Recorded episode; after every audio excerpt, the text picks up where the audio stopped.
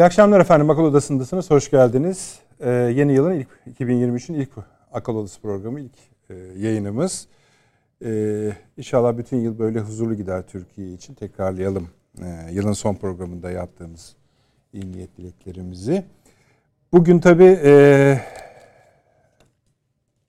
İsrail'in eski alışkanlıklarının nüksettiği bir gün. Yeni Ulusal Güvenlik Bakanı İsrail'in Mescid-i Ak yani ifadesi şu bütün ajansların Mescid-i Aksa'yı bastı. Tabi büyük bir reaksiyon var Türkiye dahil. Amerika Birleşik Devletleri dahi hani bundan çok memnun olmadığını duyurmak zorunda kaldı. Bu biliyorsunuz geniş bir koalisyonla yeni oluşturulmuş bir siyasi iktidar İsrail'de Netanyahu liderliğinde. Aynı gün tabii yeni Dışişleri Bakanlarının da İsrail Dışişleri Bakanları'nın da Filistin'i tehdit eden açıklamaları var. İşte aşırı sağcı gruplarda bu koalisyona destek veriyorlar hem mecliste hem dışarıdan. Ve tatsızlık işte böyle başlıyor. Türkiye bir yandan da İsrail ile İsrail Türkiye ikisi birlikte normalleşmeye çalışıyorlar ama şimdi biraz açılışta bu konudan bir bahsetmek istiyoruz. Çünkü İsrail'deki siyasi istikrarsızlık hükümet kurularak açılmış değil. Bunun bölgeye yansımaları var. Gel gelelim bölgenin kendi işleri var. Yeni gelişen olaylar var. Her programda konuşuyoruz. Onu değerlendireceğiz. Bu akşam efendim özel bir Yunanistan konuşacağız. Özel bir Yunanistan dosyası biçiminde konuşacağız. Birkaç ayağı var. Ee, birincisi zaten hatırlıyorsunuz e, bu 12 bin meselesini üzerinden biraz geçmiştik ama üzerinden biraz süremiz azdı geçtik. Şu an Yunanistan'da en çok konuşulan konulardan biri Türkiye Suriye ilişkisinden duydukları rahatsızlık meselesi. Diyeceksiniz ki ne alakaları var? Olmaz olur mu? Aslında hep öyle oluyordu zaten. Bu sefer söyledikleri de şu. Buradaki askerleri de bizim sınırımıza çekerler Türkler diye. Ama biz tabii bunların hepsini konuşacağız. Bu Yunanistan meselesini e, Suriye meselesiyle birleştirerek Suriye meselesinin Türkiye-Suriye normalleşmesi süreciyle birleştirerek yapacağız. Bunun altına da şöyle bir efendim başlık. Biliyorsunuz Suriye'de Amerika Birleşik Devletleri var. Suriye'de Rusya var. Zaten var. Ara sıra Çin geliyor. Çin zaten İran'da var. Her şeyden önce yani sınırımıza biz aylar önce zaten o sınırı söylemiştik sizinle. Paylaşmıştık. Bu sefer şöyle bir şey oldu. Efendim Hindistan Dışişleri Bakanı Rum kesimini ziyarete gitti. İki gün kaldı orada. Yeni Delhi'nin resmi açıklamalarına bakarsanız efendim bizim zaten bir hani 60 yıllık şeyimiz var. Hukuku demiyor. Yani diplomatik diplomatik ilişki kurma süremiz var. Onun yıl dönümüydü. Değil mi? Yani İngiltere görmüş ülke en azından hiç biliyor e, nasıl izah edilebileceğini. Fakat Rum kesiminin açıklamaları bir Hindistan'ın diyorlar. Hindistan'da biz şeyi konuştuk zaten diyorlar. Türkiye'nin yaptığı ayıpları konuştuk. Zaten Marslılar gelse de bizi şikayet ediyorlar ayrı konu.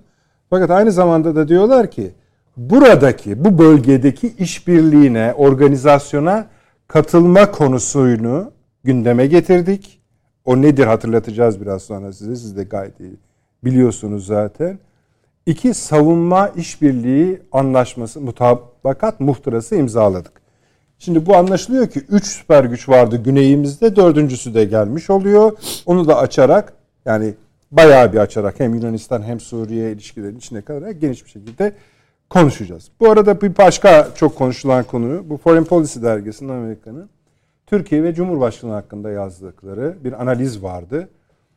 Ee, bu hani artık bizi çok e, bilmediğimiz bir şey değil ama bir dönemde bir artış var bu dönemde. John Bolton eski Beyaz Saray Dışişleri, eski Beyaz Saray Ulusal Güvenlik Danışmanı hatırlayacaksınız yüzü e, ak, hemen gözünüzün önüne gelecektir. O da bugün bir açıklama yaptı dünden kalan. Dedi ki eğer Erdoğan tekrar seçimleri kazanırsa Türkiye'nin NATO üyeliği konusunda düşünelim. Düşünmeliyiz dedi. En azından konuyu anlamış. Böyle bir ortak tarafımız var. Neyse uzatmayalım. Aynı zamanda gelen işte terörist başı Duran Kalkın'ın açıklamaları var. Her şeyi yapmalıyız diyor. Her şeyi yani bu seçimi kazanmaması için tarih olması için her şeyi yapmaz diyor. Bunların hepsi bir havuzda birleşiyorlar. Biz o havuzda da biraz gayret edeceğiz. Bakmaya. Sayın Avni Özgür hoş geldiniz. Hoş bulduk. Profesör Doktor Süleyman Seyfi Öğün hocam İstanbul Ticaret Üniversitesi öğretim üyesi şeref verdiniz. Hoş geldiniz. Sağ olun. Profesör Doktor Çağrı Erhan hocam Altınbaş Üniversitesi rektörü şeref verdiniz. Çağrı hocam bu akşam eksik olmasın. Ee, ricamızı kırmadı. Neden belirtiyorum? Normalde perşembe günleri oluyor ama e, Fahri Erener Paşa'mız, hocamız e, kıymetli e, annesini kaybetti. E, dolayısıyla bizden izin istedi. Yani izin diye bir şey yok zaten. Biz de tekrar kendisine ve ailesine e, hem başsağlığı hem sabır diliyoruz. Rahmetler diliyoruz annesine. E, inşallah o da Perşembe günü katılacak aramızda olacak. Bey bugün İsra buyurun İsrail başlayalım. Ha bir de şunu arkadaşlar ikaz ediyorlar. Efendim bu akşam eğer televizyonlara yetişemediyseniz, YouTube'a yetişemediyseniz bir radyo var. TV Net Radyo 102. TV Net Radyo 102. Burada da canlı olarak akıl odası yayınlanıyor. Bu da bir yenilik. Oradan da artık bundan sonra canlı olarak iz- e, televizyondan izleyemediğiniz, YouTube'dan izleyemediğiniz ortamlarda radyodan izleyebilirsiniz. TV Net Radyo 102. Böyle altını evet. çizerim. Buyurunuz. Şimdi e, evet siz sizin e, altını çizdiğiniz konuyla da zaten başlayalım. Ama öncesinde herhalde söylememde bir şey yok. Türkiye'de ülkücü camianın çok sevdiği bir e, şey başkanları eski o menfur bir saldırı sonunda katledildi. Sinan Ateş. Evet. Efendim e, ona Allah'tan rahmet diliyoruz. Ailesine yani, de. Ailesine sabır diliyoruz. Bütün ülkücü camiaya da başsağlığı diliyoruz. E, herhalde devletimiz bunun arkasında, önünde ne var, ne yok, nedir? Herhalde araştıracak, ortaya çıkaracaktır. Şimdi sizin de ifade ettiğiniz şeyle e, bu Bolton'un konuşması ile ortaya koyduğunuz Oradan başlamak istiyorsun. Evet ben öyle yani seç, Türkiye'de seçim tartışmaları da yani olduğu için peki olur. Gündeme olur, olur damgasını vurdu çünkü. İşte şu gün mü yapılacak, bugün mü yapılacak? At bugün mesela bütün e, şeylerde e, hem e, grup toplantısı konuşmaları hem Sayın Cumhurbaşkanımızın çevresinde yani MKYK üzerinde yapılan konuşmalarda falan hep acaba seçim ne zaman olur? Ve işte Nisan'ın son günleri filan gibi konuşmalar yapılıyor. İşte kimisi de diyor ki Mayıs'ın işte ilk haftası, ikinci haftası filan. Bütün bunlar e, da Türkiye'de böyle bir beklenti. Seçime doğru bir işte aday kim olacak? Özellikle bu altılı masanın e, adayı kim olacak? Çünkü Cumhur e, İttifakı'nın adayı belli zaten Sayın Cumhurbaşkanımız. Ee, onun üzerinden gidiliyor. Ee, ama esas yurt dışında çok esaslı bir beklentinin olduğunu siz altını çizdiniz işte. Bolton. Sadece bu, bu beklenti mi abi? Evet. Yani Türkiye'de seçim ne olacak diye bekleyen çok ülke var ama Tabii. bir de temennileri var demek. Tabii ki. temennileri var. Bu yeni de değil. Yani Tabii yok canım. şaşılacak bir şey, şey de değil. değil. Evet. Bizzat Biden e, Amerikan başkanı seçilmeden önce yani daha henüz adayken de aynı kanaatlerdeydi ve e, Sayın Cumhurbaşkanımızın aleyhinde bir tavrı, duruşu vardı. Yani onu iktidardan, e, liderlik şeyden, Cumhurbaşkanlığından uzaklaştırmak için elimizden gelen ne varsa yapacağız. Yani bütün ortaklarımızla, işte e, dostlarımızla, içeriden dışarıdan bütün dostlarımızla gayret sarf edeceğiz diyordu. Yani saklamıyorlardı yani bu konudaki niyetlerini. E sadece o değil. Tabii yine siz de ifade ettiniz Duran Kalkan şeylerini, evet. e, beyanlarını. E, terör örgütü de elimizden gelen ne varsa yapacağız diye açıklamalar yaptı. Ellerinden gelen ne olduğunu, neler olabileceğini az çok biliyoruz. Artık tekrar tekrar şey yapmaya, söylemeye gerek yok. İşte ellerinden gelen bir kısmını İstiklal e, Caddesi'nde gördük. Öyle bir şeylikler, o tür şeyler yapabilirler. E, gerçi son dönemde e, bu tür eylemler sergileyebilme kabiliyetleri bir hayli sınırlandı. E, düşünün ki artık para para verip eylem yaptırıyorlar. Eskiden kendi gönüllü militanlarına şeyler yaptırırlardı.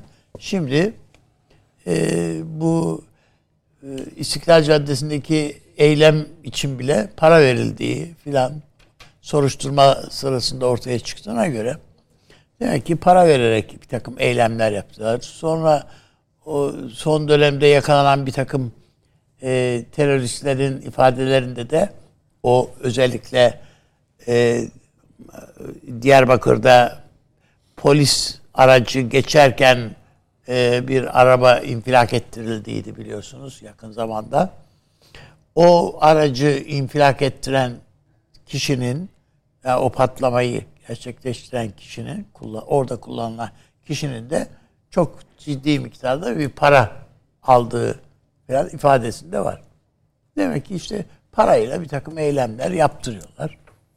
O tür şeyler var. Ama onun dışında da neler tezgahladıklarını tahmin edebiliriz. Bunun siyasi ayakları var. İşte böyle onun dışında da bir yani işte HDP ile ilgili bir takım hesapları var kafalarında filan. Bütün bunlar Türkiye bir seçime gidecek. E, e, Türkiye'de muhalefetin de bir takım hesapları var. Orada da aynı şeyler. Yani bu Tayyip Erdoğan'ı iktidardan düşürmek için elimizden gelen ne varsa yapacağız diyen bir altılı masa var. Öyle değil mi? Yani ama, ama sorunca diyorlar ki niye merak ediyorsunuz adayı, neye lazım diyorlar. Ha, evet bir de öyle de bir komik bir şey var. Yani yani, Cumhurbaşkanı yani adayları seçime gidecekse yani bu adayı ortaya çıkarmak durumundalar. Ama gün geçtikçe herhalde biraz daha netleşiyor ortalık. Yani herkesin kafasında yani bir e, o masadan bir aday çıkacaksa, o masadan bir aday çıkacaksa e, yani işte Sayın Kılıçdaroğlu'nun ismi biraz daha e, kuvvet kazanıyor.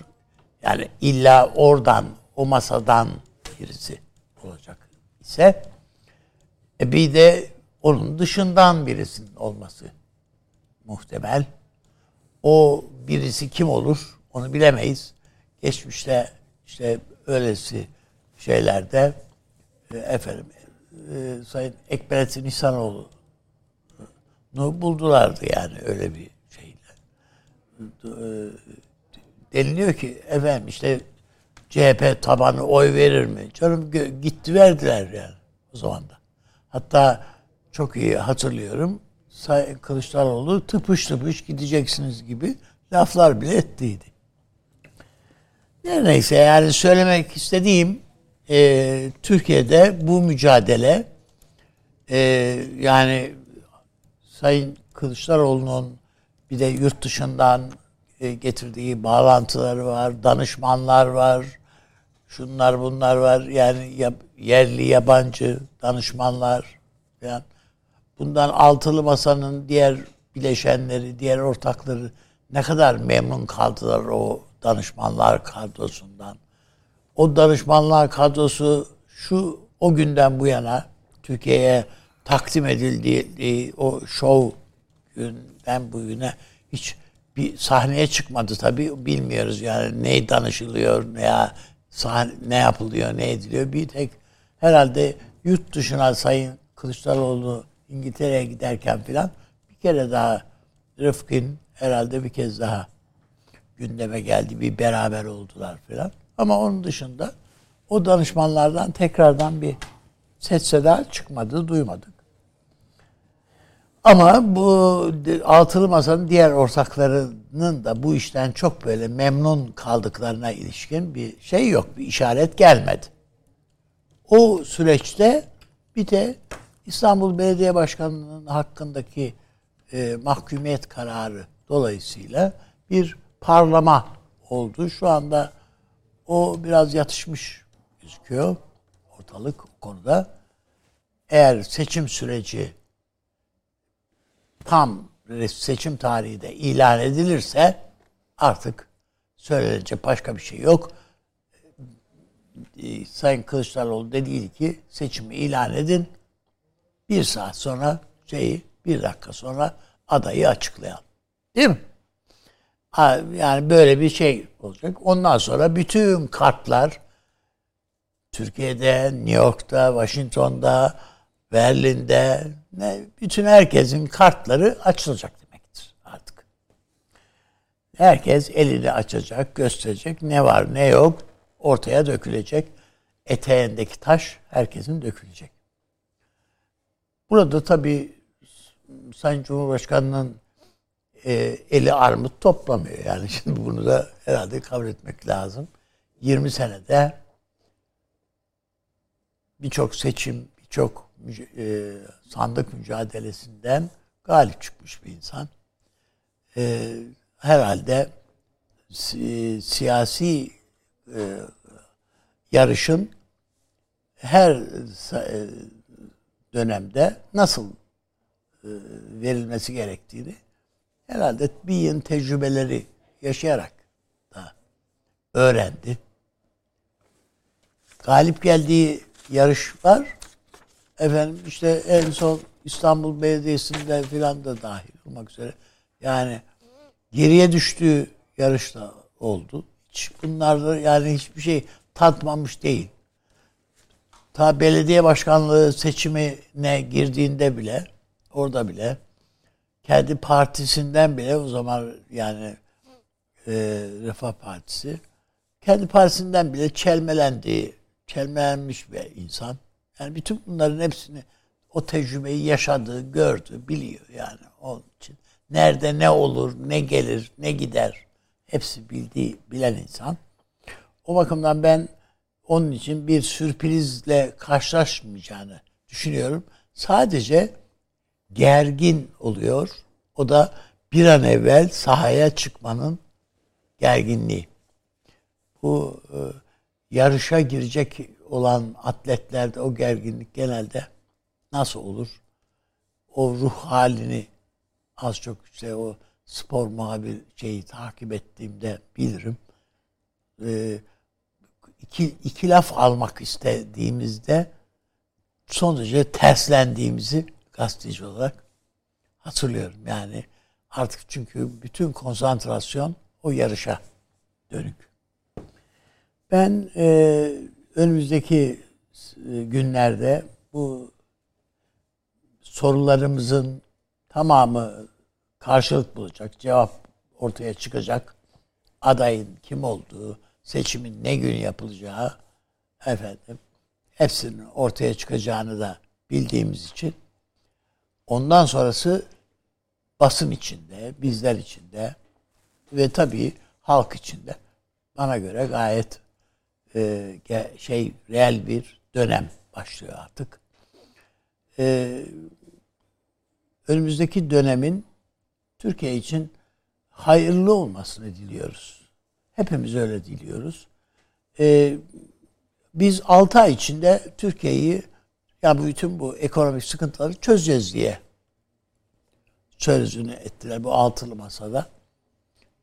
Yani en az iki partine mensup iktisatçılar 6 ay içinde hissedecek Türkiye nasıl rahatlanacağını dediler. Ee, kazanırsa bunu nasıl yapacağını herhalde anlatacaktır seçim kampanyası sırasında. Ee, Sayın Cumhurbaşkanı ise neler yapmak istediğinin işaretlerini zaten şimdi verdi.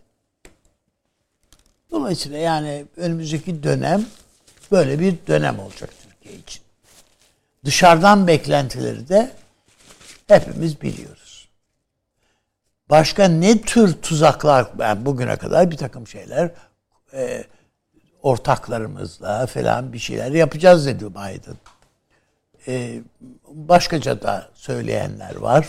Böylece Avrupa'dan da Tayyip Erdoğan aleyhine ne elimizden ne geliyorsa yapalım diyen işte en son Bolton'un söylediği yani eğer bir daha kazanırsa NATO'dan atalım falan gibi de dahil diyen laflar bütün bunlar. Yani bu bütün bunların hepsinde herkes eteğindeki taşı ortaya dökecek diye düşünüyorum. Peki. Geçelim kendi gündemimize Süleyman Hocam. Sizle evet. başlayalım ona. İsrail'le açılış yapacağız inşallah. Evet. Öyle söylüyorum. Ee, tekrarlayayım kısaca. Savun, Ulusal Güvenlik Bakanı bir de öyle bakanları var demek ki. Mescid-i Aksa'ya bir baskın yaptı. Ve tabii Türkiye dahil çok ülkeden tepkin gördü. Şimdi bu başta dedim ki İsrail siyasi yapısında bambaşka bir şey var. Ee, istikrarsızlık var. Bu süreçte Orta Doğu'daki gelişmelerle ilişkisi de burada çok iyi. Hatta Amerika Birleşik Devletleri ile bile arasının eskisi kadar gayet tabii özel statüde bir ülke ama ayrı bir ilişkisi var. Zaman zaman o bile bozuluyor anlamında söylüyorum. Bir de bizim normalleşme girişimimiz var. Buna bir değinerek başlayalım izin verirseniz. Mescid-i Aksa baskını üzerinden. Dediğim gibi İsrail Dışişleri Bakanı'nda Filistin'i tehdit eden aynı gün yapılmış açıklamaları var. Evet, e, bu Türkiye Cumhuriyeti Devleti ile İsrail Devleti arasındaki e, yumuşama girişimlerinin zamanlaması bir bakıma talihsiz oldu. Bunu görüyoruz. Çünkü e, bu Gans e, yönetimi ya da daha belki e, İsrail e, koalisyonu e, Türkiye'ye karşı bir hayli yani mukayeseli olarak e, yumuşak bir e, bakışı vardı. E, Cumhurbaşkanı bunu bence e, orkestre ediyordu. E, çünkü o aile hakikaten Türkiye'ye karşı pozitif hisleri olan hem babası öyle hem kendisi öyle. Yani bir rüzgar yakalanmış gibi gözüküyordu ama Burada hatırlayacak özür dilerim bir son dakika var da Sayın Kalın Cumhurbaşkanlığı Sözcüsü e, yarın Sayın Cumhurbaşkanı'nın Putin ve Zelenski ile görüşmeler yapacağını açıkladı. Nasıl onu da bizim şeyimiz gündemimizde var. Telefon, Son dakika telefonla. olarak. Telefon. Tabii evet evet. Ee, ama herhalde bir şeye yönelik olsa gerektir. Tabii. Ee, şey diye de verebiliriz arkadaşlar. Son dakika diye de verebiliriz. Buyurun hocam. Kusura bakmayın. Estağfurullah. Yani bir rüzgar yakalanmış gibiydi ama e, bu koalisyonun son günleri aşağı yukarı ya da son bir iki ay içinde e, bu yaşandı. Zaten e, hakikaten çok ince dengelere dayanıyor İsrail iç siyaseti. Küçük bir e, farklılık bütün dengeleri alt üst edebiliyor e, taraflar açısından. E, dolayısıyla e, o hükümet bugün yok. Yerine gelen hükümet yani Netanyahu'nun ikinci gelişi bu şeyden sonra iktidardan düştükten sonra tekrar iktidara gelişi eskisinden farklı oldu. Yani Likud cephesi Likud koalisyonu zaten bir koalisyondur o esas olarak ama ona eklemlenen yeni bir takım unsurlar ve bunlar aşırılıklardan devşirildi. Yani burada hocam Türk küçük, kamuoyu küçük koalisyonu küçük ortağı büyük ortağı falan da yok. Aa, Çok az sayıda milletvekili olduğu için zaten. Koalisyonlarda şöyle bir şey vardır. Bu genellikle görmezden gelinir. Küçük parça büyük parçaya göre çok defa güçlüdür. Yani şimdi sayısal olarak bakınca işte diyelim ki bir lokomotif taşıyor bütün bunları. Ee, ama o pazarlıklar sırasında çok büyük parçalar koparırlar. Yani orada küçük çok yırtıcıdır. Koalisyonlarda küçüklere dikkat etmek lazımdır. Büyüklerden ziyade. Şimdi düşünebiliyor musunuz? Basbaya terörist bir adam.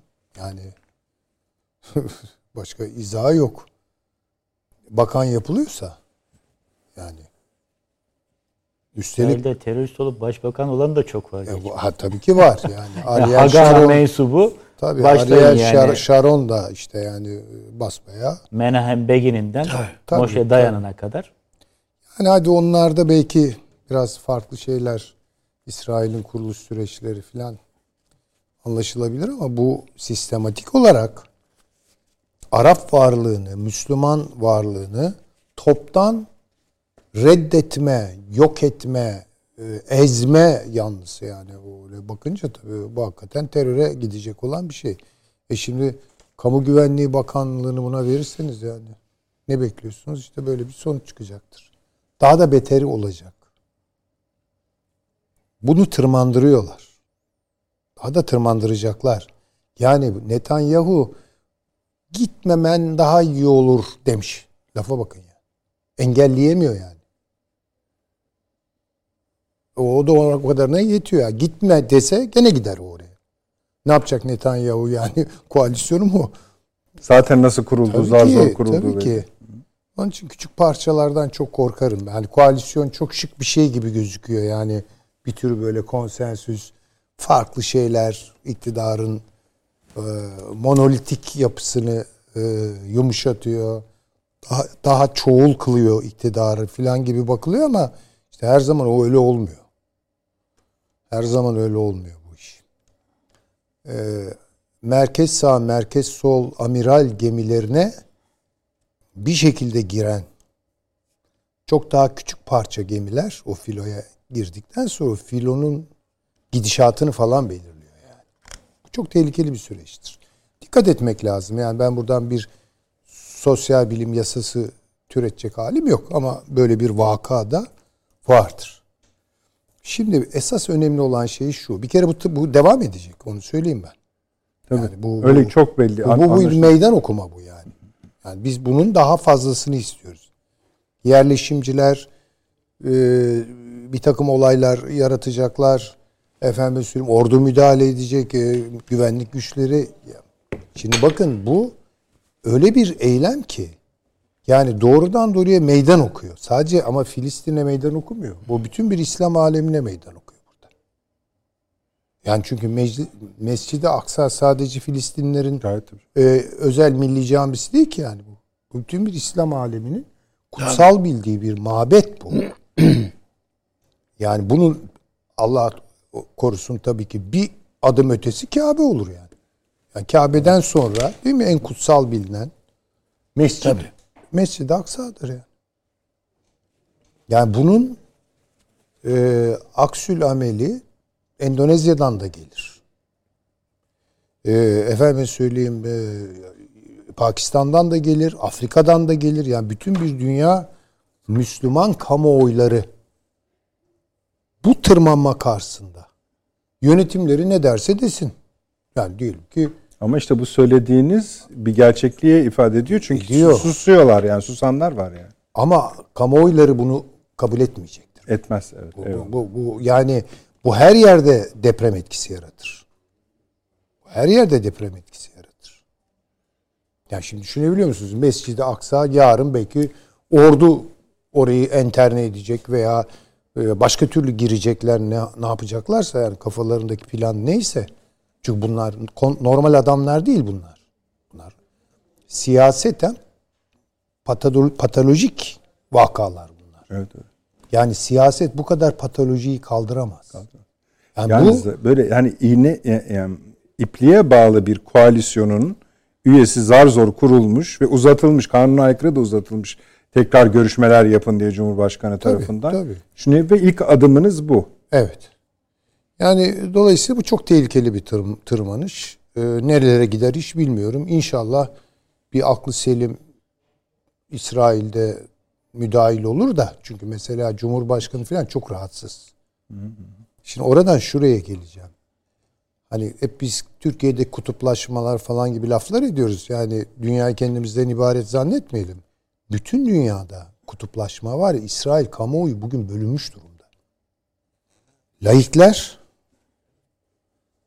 demokratlar yani laik bakışlı, daha sekülerist düşünen e, İsrail kamuoyuyla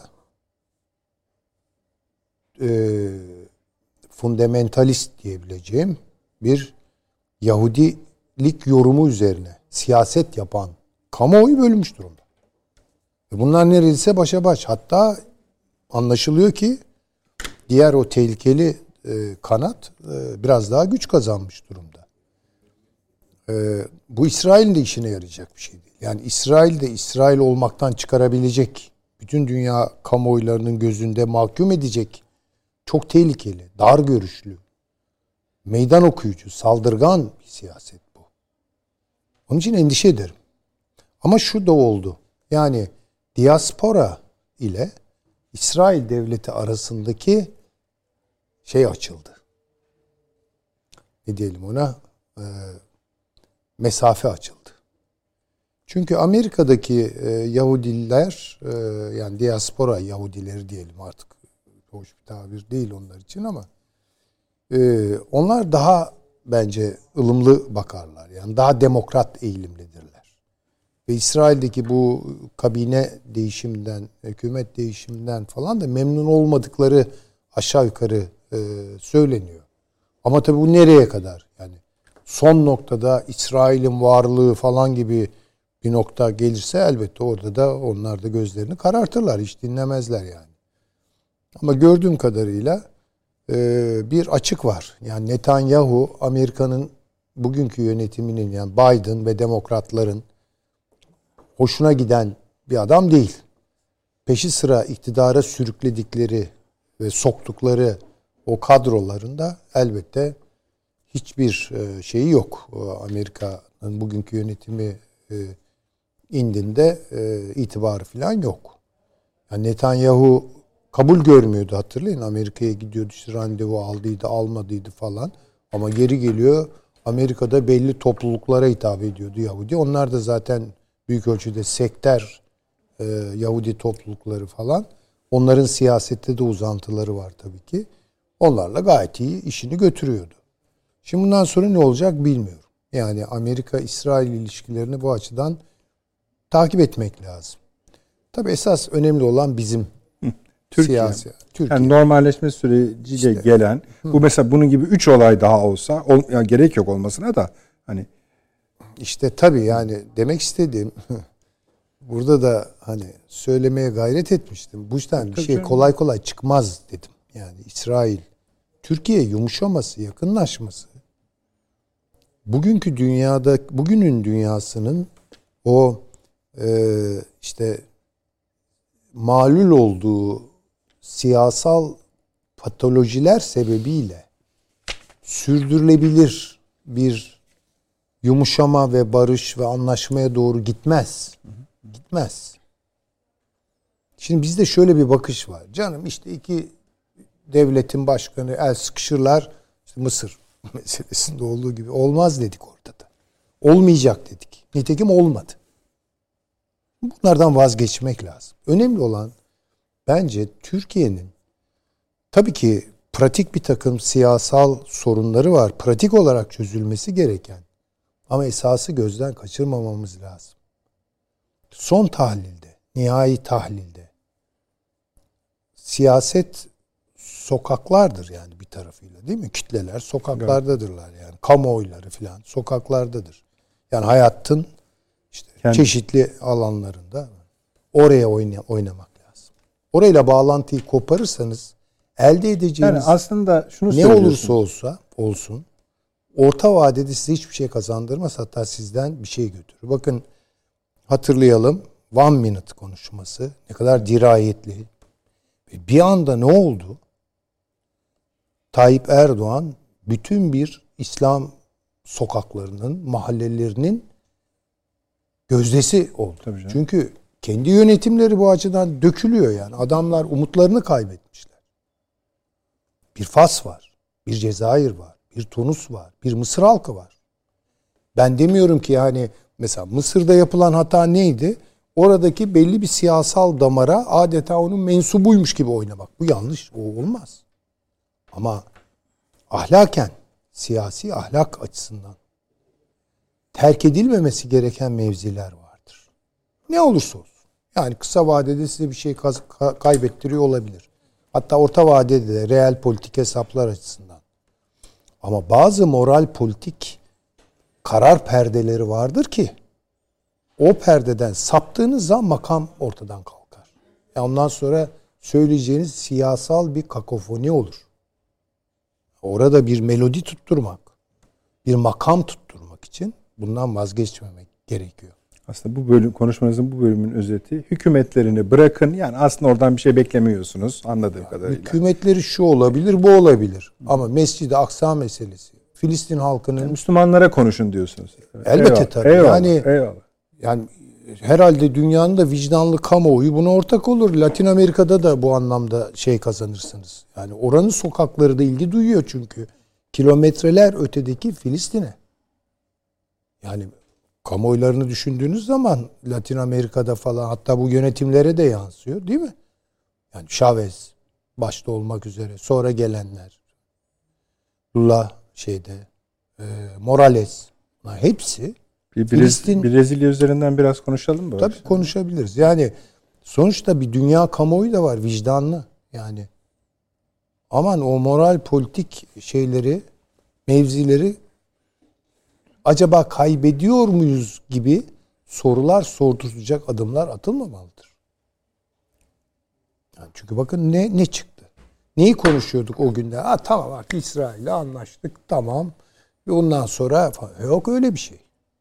İsrail reel politiğini, devlet politikalarını 3 günden 5 güne değiştirmez zaten. Evet. Değiştirmediği de ortada. Hatta en değiştirmeyecek yani. Değiştirmeyecek Kendisi de efendim. değiştiremez. Ve bu esasında. hesapların içine Türkiye girmiyor. Hatta Türkiye'ye rağmen yer yer ufak tefek yakınlıklar var. Mesela Azerbaycan'da olduğu gibi. Bunda başka sebepleri var. Ama Doğu Akdeniz'de bilelim ki karşımızda İsrail var. Apaçık. Evet, Apaçık. Onu şeyde de konuşacağız.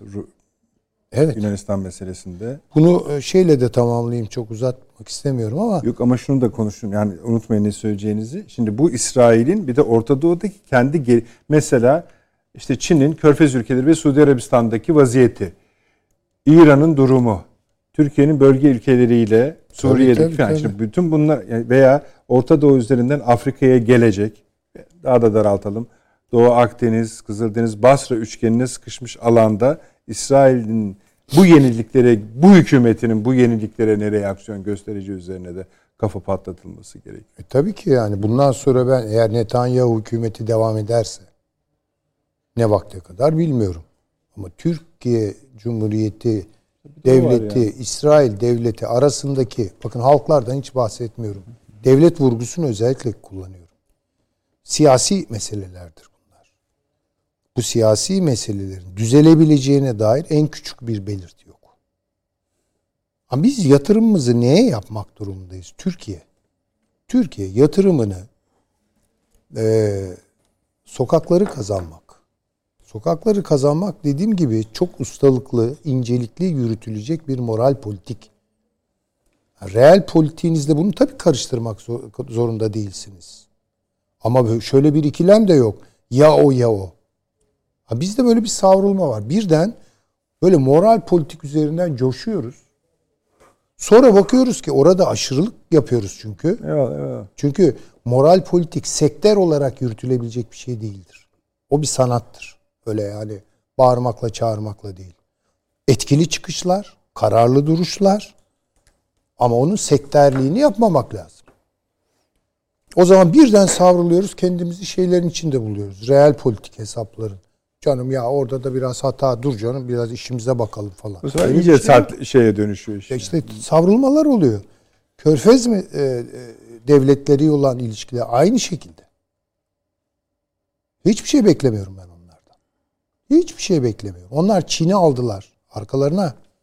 Ve Çin'in kaynatacağı yeni bir Arap milliyetçiliği dalgası geliyor buraya doğru.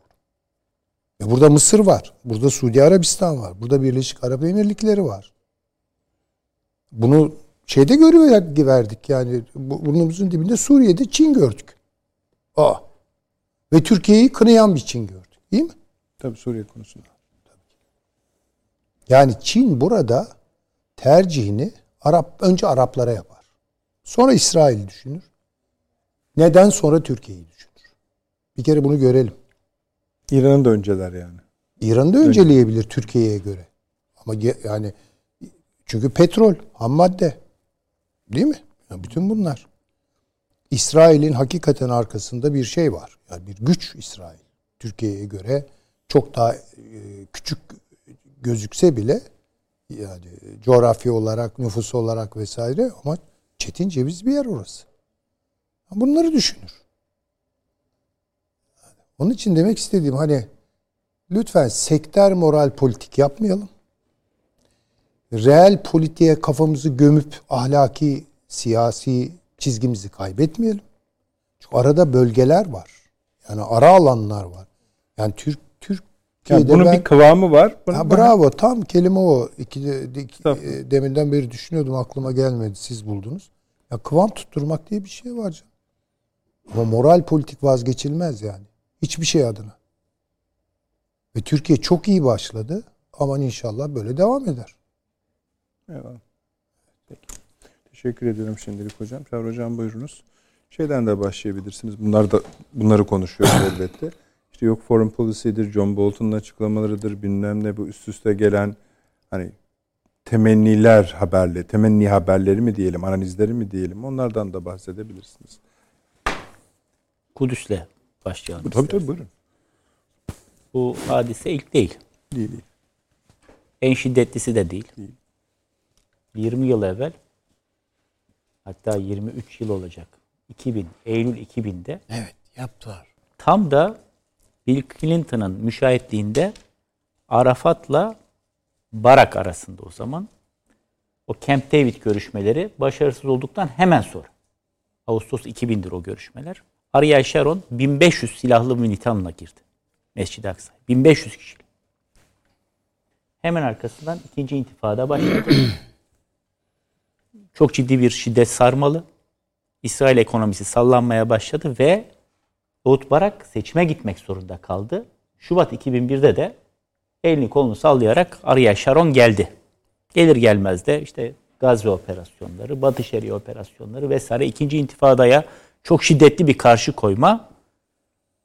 Şimdi bugün öyle bir intifada üçüncüsü, dördüncüsü falan bir yerde görmüyoruz. Niye? Çünkü darma duman olmuş bir Filistin var. Bir West şeyde Batı Şeria'da, Ramallah'ta bir El Fetih. Evvelki hafta da konuştuk bunu. Öbür tarafta Gazze'de işte Hamas hükümeti. Aralarında bir birlik beraberlik yok. Bunlara destek veren kimse var mı diye bakıyorsunuz. Yani eskiden hiç olmazsa Arap aleminden birileri desteklerdi. İki türlü desteklerdi. Bir maddi destek vererek, siyasi destek vererek bir de İsrail'e mesafeli durarak. Şimdi bakıyorsunuz İsrail'e canciğer kuzu sarmalı, sarması olmuş. Bir Arap Arap dünyası var. Yani İbrahim anlaşmalarının daha imzanın mürekkebi kurumadı. Bu anlaşmaları yapanlar Körfez ülkeleri. İsrail'le yaptılar. Ayıp olmasa yarın büyükelçilik açacaklar İsrail'de. Kim bu Filistinlerin yanında duruyor? Baktığınız zaman Arap dünyasından kimse durmuyor. Darmaduman olmuş bir Suriye var. Parmağını kımıldatamayacak bir Lübnan var. Irak zaten yerle yeksan olmuş, ikiye bölünmüş işgal altında. E, Suudi Arabistan deseniz kendini reforme edip batılılaşma peşinde. E, Körfez'in durumu bu. Mısır'da darbe olmuş zaten. Yani her şey değişmiş. E şimdi Arap sokağından da bir ses çıkmıyor. Yani ne Filistinlerden bir ses çıkıyor, ne Arap sokağından Doğru, bir ses çıkıyor. Bu cumayı bekleyin, Türkiye'den de bir ses çıkmayacak. Çıkmaz. Kim organize edecek de millet sokağa dökülecek de ne olacak zaten? Kahrolsun Siyonistler, kahrolsun İsrail diye bağırıyorsunuz, dağılıp gidiyorsunuz yani. İki üç tane İsrail bayrağı yakıyorlar falan filan. Müsaade edilirse o da bu ortamda. E şimdi bunun sebebi ne? Ne oluyor? Ona iyi bakmak lazım. Bunun iki sebebi var. Bir konjonktürel, bir de zamandan bağımsız süreklilik arz eden bir sebep. Konjonktürel olan her koalisyon hükümeti kurulduğunda ki hep koalisyon kurulur. Ama o koalisyonların içerisinde eğer aşırı sağ unsurlar var ise o zaman hem işgal altındaki topraklara ilişkin hem Kudüs'e ilişkin daha provokatif politikalar ve eylemler su yüzüne çıkar. Bugün olan o. Şimdi rakamlara bakalım. Son dakikada kurulan hatta inkıtalar oynanırken kurulan Tabii, bir tabii. koalisyon değil mi? Yani maç bitti bitecek koalisyon Tabii kurulmuş. onda uzatması da var galiba yani işte. Sizin dediğiniz gibi. İsrail hükümeti parlamentosu Knesset 120 sandalyeden oluşuyor. Netanyahu'nun başbakanlığındaki bu hükümetin 63 sandalyesi var. Yani 3 fazlayla kurulmuş. Daha doğrusu 63 güven oyu alıyor. 54 tane red alıyor. Geri kalanlar da oy vermiyorlar 3 kişi. Şimdi bu 63 oyun içerisinde 14 koltuk dinsel ya da dini Siyonist Parti'nin koltuğu. Şimdi Siyonizm esas itibariyle 19. asrın ikinci yarısında ortaya çıktığında laik bir ideoloji olarak çıkmıştır. Siyonizm sinagoglarda doğmadı. Bir defa bunu sevgili izleyicilerimiz eğer kafalarında böyle bir yanlış bilgi varsa silsinler. Siyonizm sinagoglarda doğmadı. Tam tersine hahamlar karşı çıktılar Siyonizme ve Siyonistlere. Bunlar çünkü son derece laik. Daha çok Doğu Avrupa'nın bir takım şeylerini almışlar, fikirlerini almışlar ve hahamlarla kavga ediyorlar. Niye? Diyorlar ki ya diyorlar siz bulunduklarınız ülke bulunduğunuz ülkeler içerisinde birer küçük cemaat değilsiniz. Siz Yahudi milletisiniz. Musevi dini değil, Yahudi milleti önemlidir. Bu çok önemli bir şey bu, vurgu. Niye? Çünkü o zamana kadar Fransa milleti içerisinde Musevi dinine mensup. İşte Rus milleti içerisinde Musevi dinine mensup. Öyle yaşayıp gidiyorlardı. Siyonistler dediler ki, hayır siz Yahudisiniz ve Yahudi olduğunuz için dışlanıyorsunuz. Nitekim işte o son çeyreğinde 19. yüzyılın pogromlarla beraber Yahudilere karşı Doğu Avrupa'dan başlayan o kitlesel eylemlerle beraber yavaş yavaş Siyonizm güçlendi. Theodor Herzl o Dreyfus davasında ilk palazlanmaya başlayışı filan son derece laik bir kişiliktir. Yani baktığınız zaman Siyonizmin babalarına, kurucu babalarına aralarında bir tane haham yok ya. Marksist olan var. Karl Marx'ın izinden giden, Engels'in izinden giden. Böyle adamlar var. Dini açıdan Kudüs'e bakanlar dünyevi meselelerle çok uğraşmıyorlar. Onlar diyorlar ki biz gidelim. Batı duvarında duamızı edelim. Buralarda bulunalım. Askere gitmeyi bile reddediyorlar. Biliyorsunuz o Hasidim Yahudileri, dindarlar askere gitmeyi bile çünkü biz diyorlar sabahtan akşama dua etmek bizim görevimiz. Gerçekten de bunlar o yeşiva denilen onları dini okullarında ibadet ediyorlar. Üremek onlar için çok önemli. Kalabalık ailelere mensuplar. Ya Musevilerin sayısını arttırmakla uğraşıyorlar. Şimdi burada dini Siyonist Parti dediğiniz zaman çok ciddi bir tehlikeyle karşı karşıyayız. Çünkü bir tarafta Siyonizmi bir varoluş nedeni olarak benimseyen, ideolojisi bu olan layık bir felsefe. Ama buna bir de dinsel motif ekliyorsunuz. Normalde bunların bir araya gelmesi çok zor. Yani dindarlar aslında Siyonist değiller. Az önce söylendi o Amerika'daki falan dindar Yahudiler işte Natura'yı kartalar falan filan o tarikatlar şeye karşıdır. Siyonistlere. Tanrı'nın işine karışmayın derler. Şimdi bu tablo içerisinde bu partinin iki bacağı var. Bir tanesi işte bugünkü olayı gerçekleştiren İşte. Itamar Ben sağ. lideri olduğu Yahudi Gücü Partisi. Yani o, o bakan aslında o. Yani İkisi de bakan. Bir tanesi Yahudi Gücü Partisi Itamar Ben Givir. Bu İç Güvenlik Bakanı. İç güvenliğe ne bağlı biliyor musunuz? Polis. Bir de sınır polisi. Yani Gazze ile olan sınır polisi. Bir de kendi Emniyet Genel Müdürlüğü yani. Ona bağlı. İkinci grup partinin adı işte Dini Siyonist Parti. Bezalel Smotrich diye bir adam var başında. Bu adam hangi bakanlığı almış? Batı Şeria İnşaat Bakanlığı. West Bank yani işgal altındaki Filistin topraklarında Yahudi yerleşimi inşaatından sorumlu bakan. Şimdi diyeceksiniz ki ya inşaattan sorumlu bakan niye çok önemli? Adamın şöyle bir gücü var. O Yahudi yerleşimlerine bir saldırı olduğunda derhal İsrail Silahlı Kuvvetlerine vurun. Emir veriyor. Emri verme yetkisi var adam. Bu gücü vermişler kendisi. Şimdi bu ikisi bir araya geliyor. Bunların 14 sandalyesi var. Yani 63 olumlu reyin 14'ü bunlardan gelmiş. Küçük büyüye hükmediyor. Çünkü bunlar hadi bize eyvallah dediklerinde o hükümet göçer. Geçmişte de böyle oldu. Üç tane sandalyesi olan Şas Partisi gitti Milli Eğitim Bakanlığı'nı aldı İsrail. Öbürü hep böyle bayındırlık, yerleşimci bakanlığı falan bunların peşinde koşar bunlar ve aldılar. Şimdi bu güncel olan. Adamın seçim öncesi propaganda konuşmalarına baktım.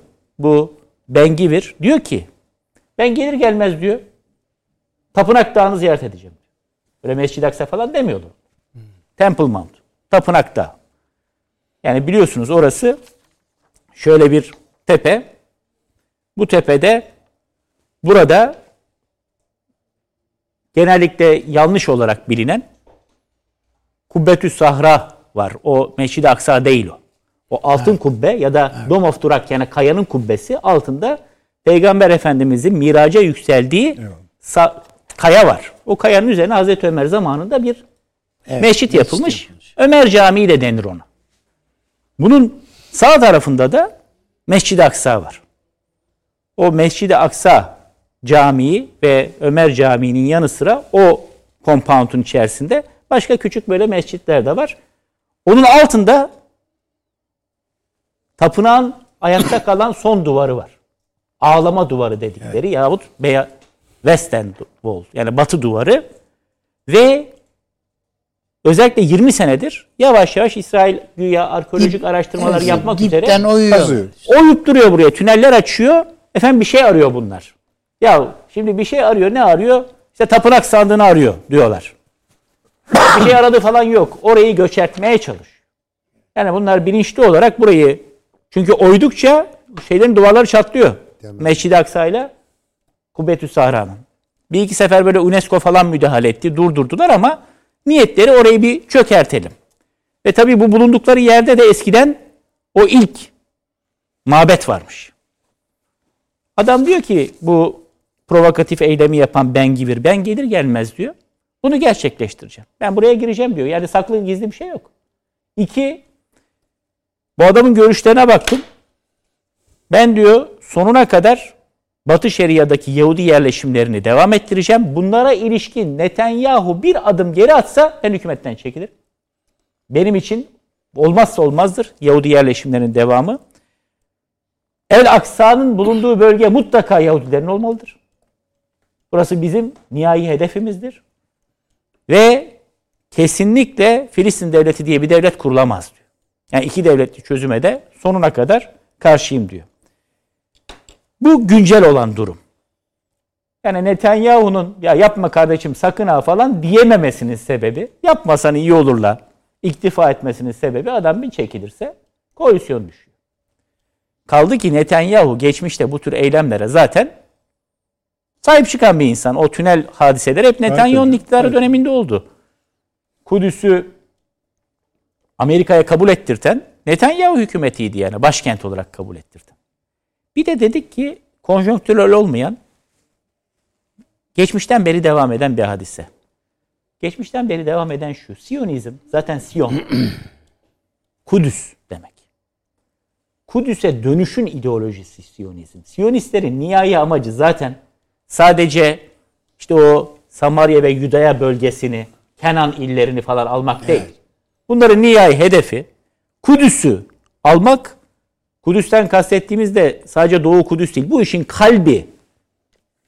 Orası yani o compound dediğiniz yer herhalde şimdi tam hesabını bilmiyorum ama sağdan soldan baksanız herhalde bir buçuk iki kilometre karelik bir alandan bahsediyoruz yani.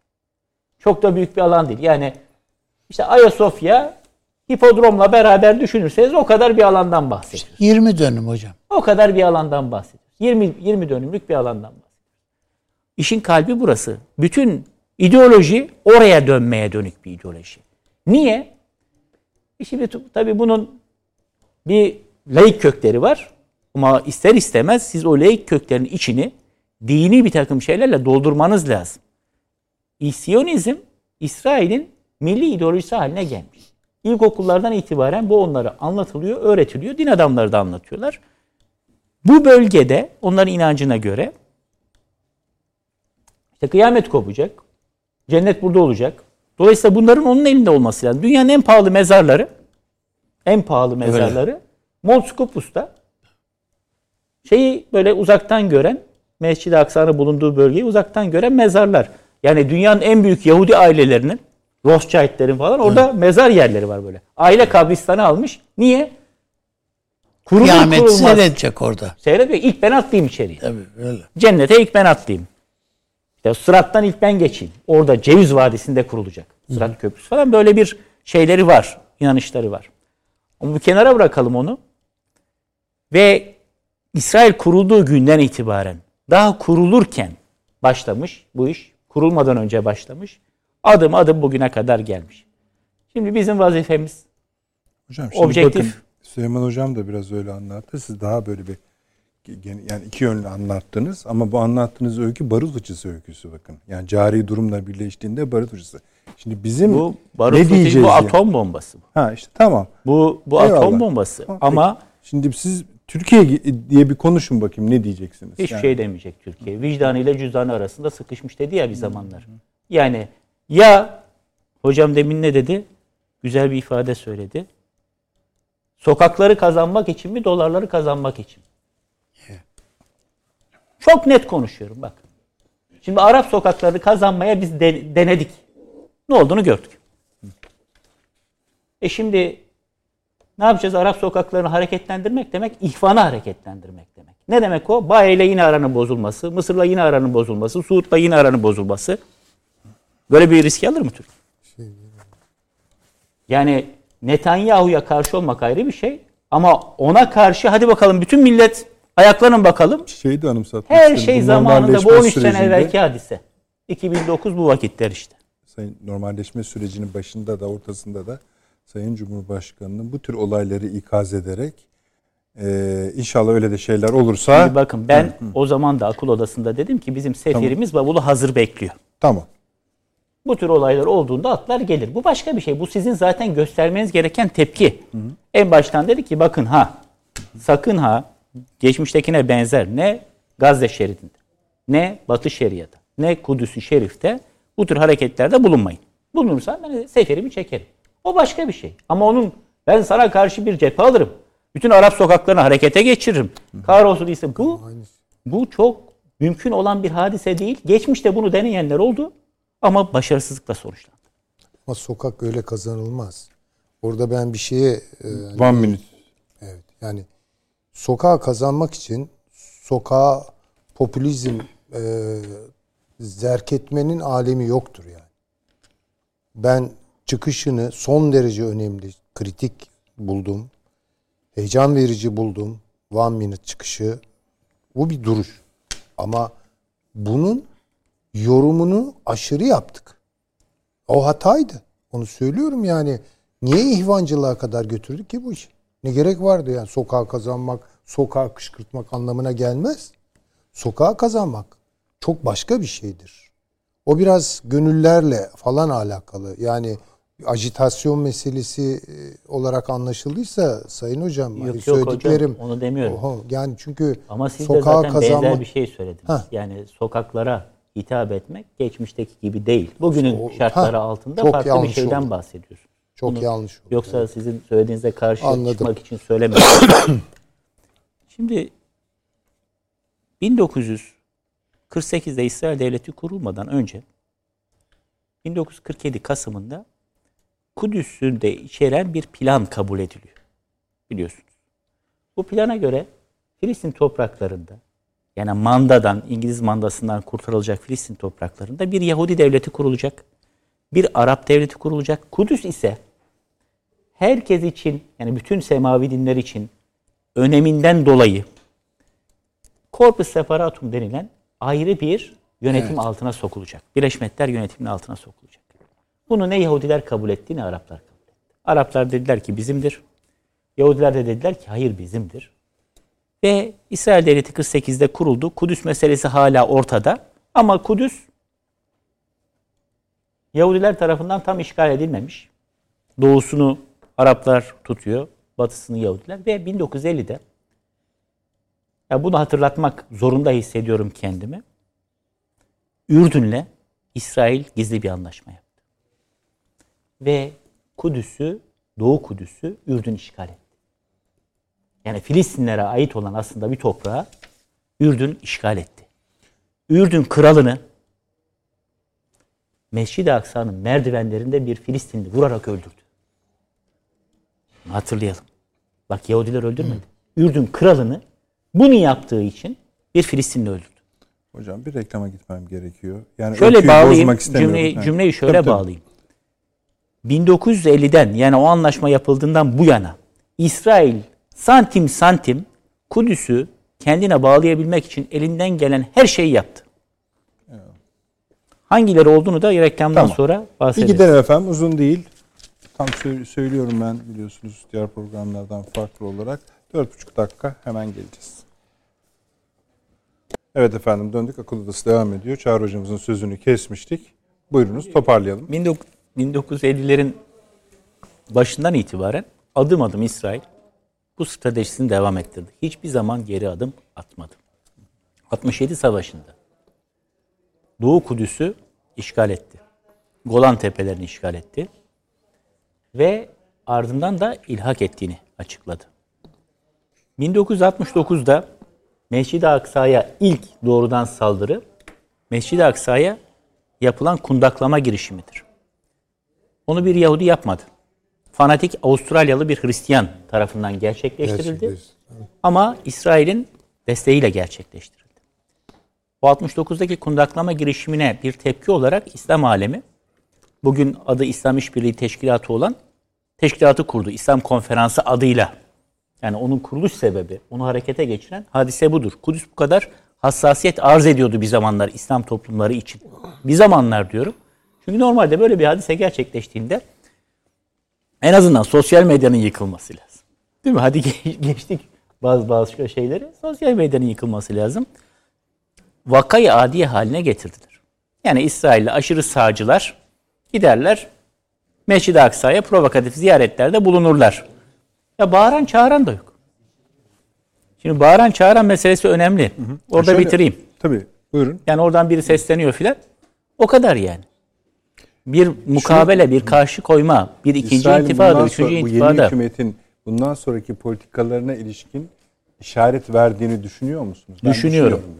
Kesinlikle. Ona göre de Türkiye-İsrail ilişkilerinde bu yani pürüz olacaktır. Pürüz derken de boyu başka Bakın tabii. tekrar ediyorum. Reklama girmeden evvel Tabii. söylemiştim. Adam diyor ki Batı Şeria'daki Yahudi yerleşimlerine devam edeceğiz. Bunları azaltmayacağız, sayılarını artıracağız diyor. İki, Filistin devletine karşıyım diyor. Yani başkenti Doğu Kudüs olan Filistin devleti bizim kırmızı çizgimiz değil mi? İki devletli çözümden yanayız. Kesinlikle karşıyım diyor. Ve El Aksa bölgesi de dahil olmak üzere bu bölgelerin ilhak edilmesi lazım. Filistin'e diyor. Şey İsrail'e diyor. Netanyahu'yla bir süre sonra şunu yapacak. Kardeşim bu adımları atıyor musun atmıyor musun? Benim tuzum kuru ben çekiliveririm koalisyondan. E Netanyahu ister istemez bu adımları atacak. O adımları attığı zaman biz kınayacağız. Hatta şiddetle de kınayabiliriz. Orada hani diyorlar ya gökyüzü sınır. Çok şiddetle de kınayabiliriz. Bir gün bir inşallah vakit bulursam bir yüksek lisans tezi yönetmek istiyorum. Türk Dışişleri terminolojisinde kınama, şiddetle kınama, çok şiddetle kınama son 50 yıl. Hangi hadiseler karşılığında kullanılmış ve ne olmuş sonra? Endişeliyiz var bir de biliyorsunuz. O da çok şık. Taraflara itidal de var. Yani Bunların yani e, biraz böyle tabii acı acı insan gülüyor. E kınıyorsun tamam. Geçmişte de çok oldu. Adam Ermeni yalanlarını soykırım olarak kabul ediyor. Sefirini geri çekiyorsun. Sefir geldiğinde buraya bütün gazetelerde manşet. Gazeteler hatta televizyonlar canlı yayın yapıyor havaalanından falan. İsveç elçimiz Zergün Korutürk geri çekildi. İsim doğrudur, hadise de doğrudur. Geldi. Kıyamet kopuyor falan. Çünkü soykırımı kabul etmiş İsveç. Hani bugün NATO'ya girmeye çalışan. Sonra bir ay sonra burada dinlendirilir o. O geri döner kimsenin haberi olmaz ha. Elçinin geri döndüğünden kimsenin haberi olmaz. Abi bakarız orada Cumhuriyet Bayramı resepsiyonunda tebrikleri kabul ediyor falan. E bu ne zaman geri döndü? Bir ay. Şimdi orada biz tabii ki tepki göstereceğiz buna. Ama diplomatik ilişkiler hiç kesilmedi bugüne kadar. Yine kesilmeyecek. Muhtemelen maslahat güzel düzeyine, işte ikinci katip ya da baş katip düzeyine düşer. Eğer Netanyahu çok şiddetli bir şey verirse, e, saldırırsa vesaire onun döneminde. Ama o gider başkası gelir. Tekrar ilişkiler kurulur. Peki. Bunu neye dayanarak söylüyorum? 1948'den bu yana daha doğrusu ilk elçiliğimizi açtığımız 1950'den bu yana çizgiye bakarak söylüyorum. Yani yükselmiş, alçalmış ama daimi devam edenle katiyen biz diplomatik ilişkilerimizi Filistin meselesinden veyahut İsrail'in Araplarla çatışmasından dolayı kesmemişiz. Peki. Kurmuşuz 49 Mart'ında ve bugüne kadar asla diplomatik ilişkiler kesilmemiş, devam etmiş. Peki. Teşekkür ediyorum. Sayın Hocam siz şeyleri e, zamanınız kalmamıştı.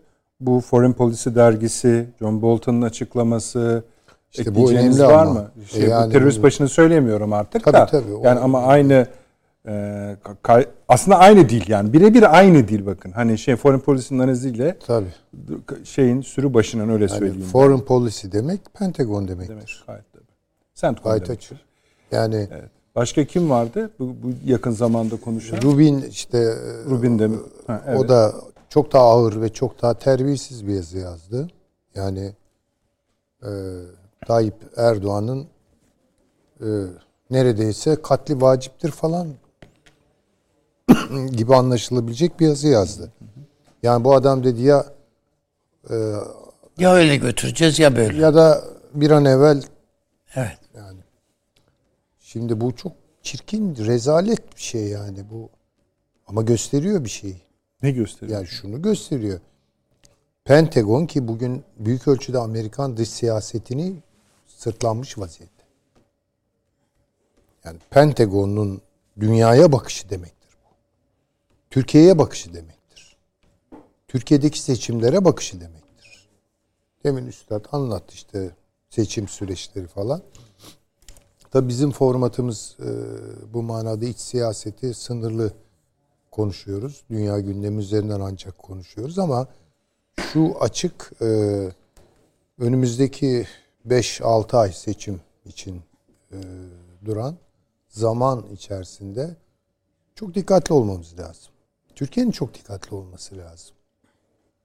Emniyetin çok dikkatli olması lazım. İstihbarat teşkilatının çok dikkatli ol. Yani şöyle zaten bunlar dikkat gerektiren işleri yapıyorlar da yani her zaman olduğundan daha ileri derecede dikkat göstermemiz gerekiyor. Bu hatırlıyorsunuz? İngiliz başkonsolosunun paylaştığı. evet, tabii iki ki hafta yani- önce Tabii. konuşulmuştu. Onu da ekler misiniz bilmiyorum buraya. İşte bakınız yani o günde konuştuk. Kaldırdı sonra değil mi? Kaldırdı. Koyması bir garabetti. Kaldırması ayrı bir gar- Garabet yeni cari başkonsolos da yorum yazmıştı. Yani, söylüyoruz yani. temize bu- çekme gibi bir şey o. Tabii. Türkiye ile İngiltere arasındaki ilişkilerde kırılma yaşıyoruz. Çok önemli bu. E, Avrupa Birliği Türkiye ilişkileri zaten uzun süredir çok kötü. Amerika Birleşik Devletleri ile çok kötüyüz. Düzelme alameti yok. Yok yok. Ee, yani bu, bu çok ilginç bir tablo çıkarıyor. Burası için. Aklıma bazı tarihsel örnekler falan geliyor da onları burada telaffuz etmeyeyim ama onlardan biri gibi. Ee, bu biraz bu işlerin çetin geçeceğini gösteriyor Türkiye açısından. Şöyle de koyabilirim. Yani mesela Almanya'da bir seçim oldu değil mi? Aslında bu seçim ne var? İşte Almanya'da bir sağ var, sol var, başka partiler var. İşte koalisyonlar kurulur, kı- yıkılır, başkası kurulur. Alman halkının hür vicdanıyla verdiği kararlara göre işte demokratik bir seçim yapılır. Dünyanın hiçbir yerinde artık böyle seçim falan yapılmıyor. Basbayağı dünya denklemlerine oturtarak yapılıyor. Yani şöyle düşünelim. Almanya'daki seçimde Merkel gitti. Hristiyan demokratlar gitti. Yerine işte sosyal demokrat, yeşiller filan neyse trafik lambası gibi bir koalisyon kuruldu. Aslında bu neydi? Yani Merkel neyi temsil ediyordu?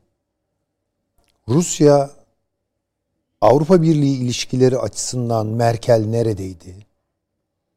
Ve Merkel'den sonra neler oldu?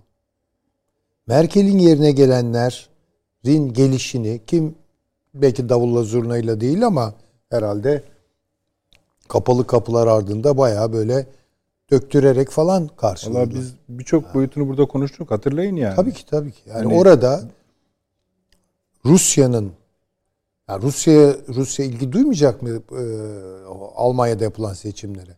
Sorsalar Rusya'ya ya da Putin'e kimi istersin, kimi seçmek elinde olsa seçerdin? E Merkel diyecekti tabii ki yani. Ötekileri işaret etmeyecekti. Dolayısıyla dünya denklemleri işliyor. Türkiye'deki seçimler için de dünya denklemlerine dikkat etmek lazım. Yani böyle gidişler, gelişler, ziyaretler, teknoloji fuarlarına gittim falan. Oradaki arkadaşlarla konuştum. Para buldum falan. Nereye gidiyor? Kim kimle görüşüyor? Kim kimle görüşmek istemiyor? Kim kimle yemek yiyor? Yani aktörler de belli. Öyle çok sayıda evet. aktörler falan değil. Bir de yani Pardon. Amerika Birleşik Devletleri ben söyleyeyim. Tabii tabii buyurun. İngiltere, Fransa, şey Almanya, dördüncü derecede Fransa ve Rusya. Bunlardır. Bakacağız. Orada yani.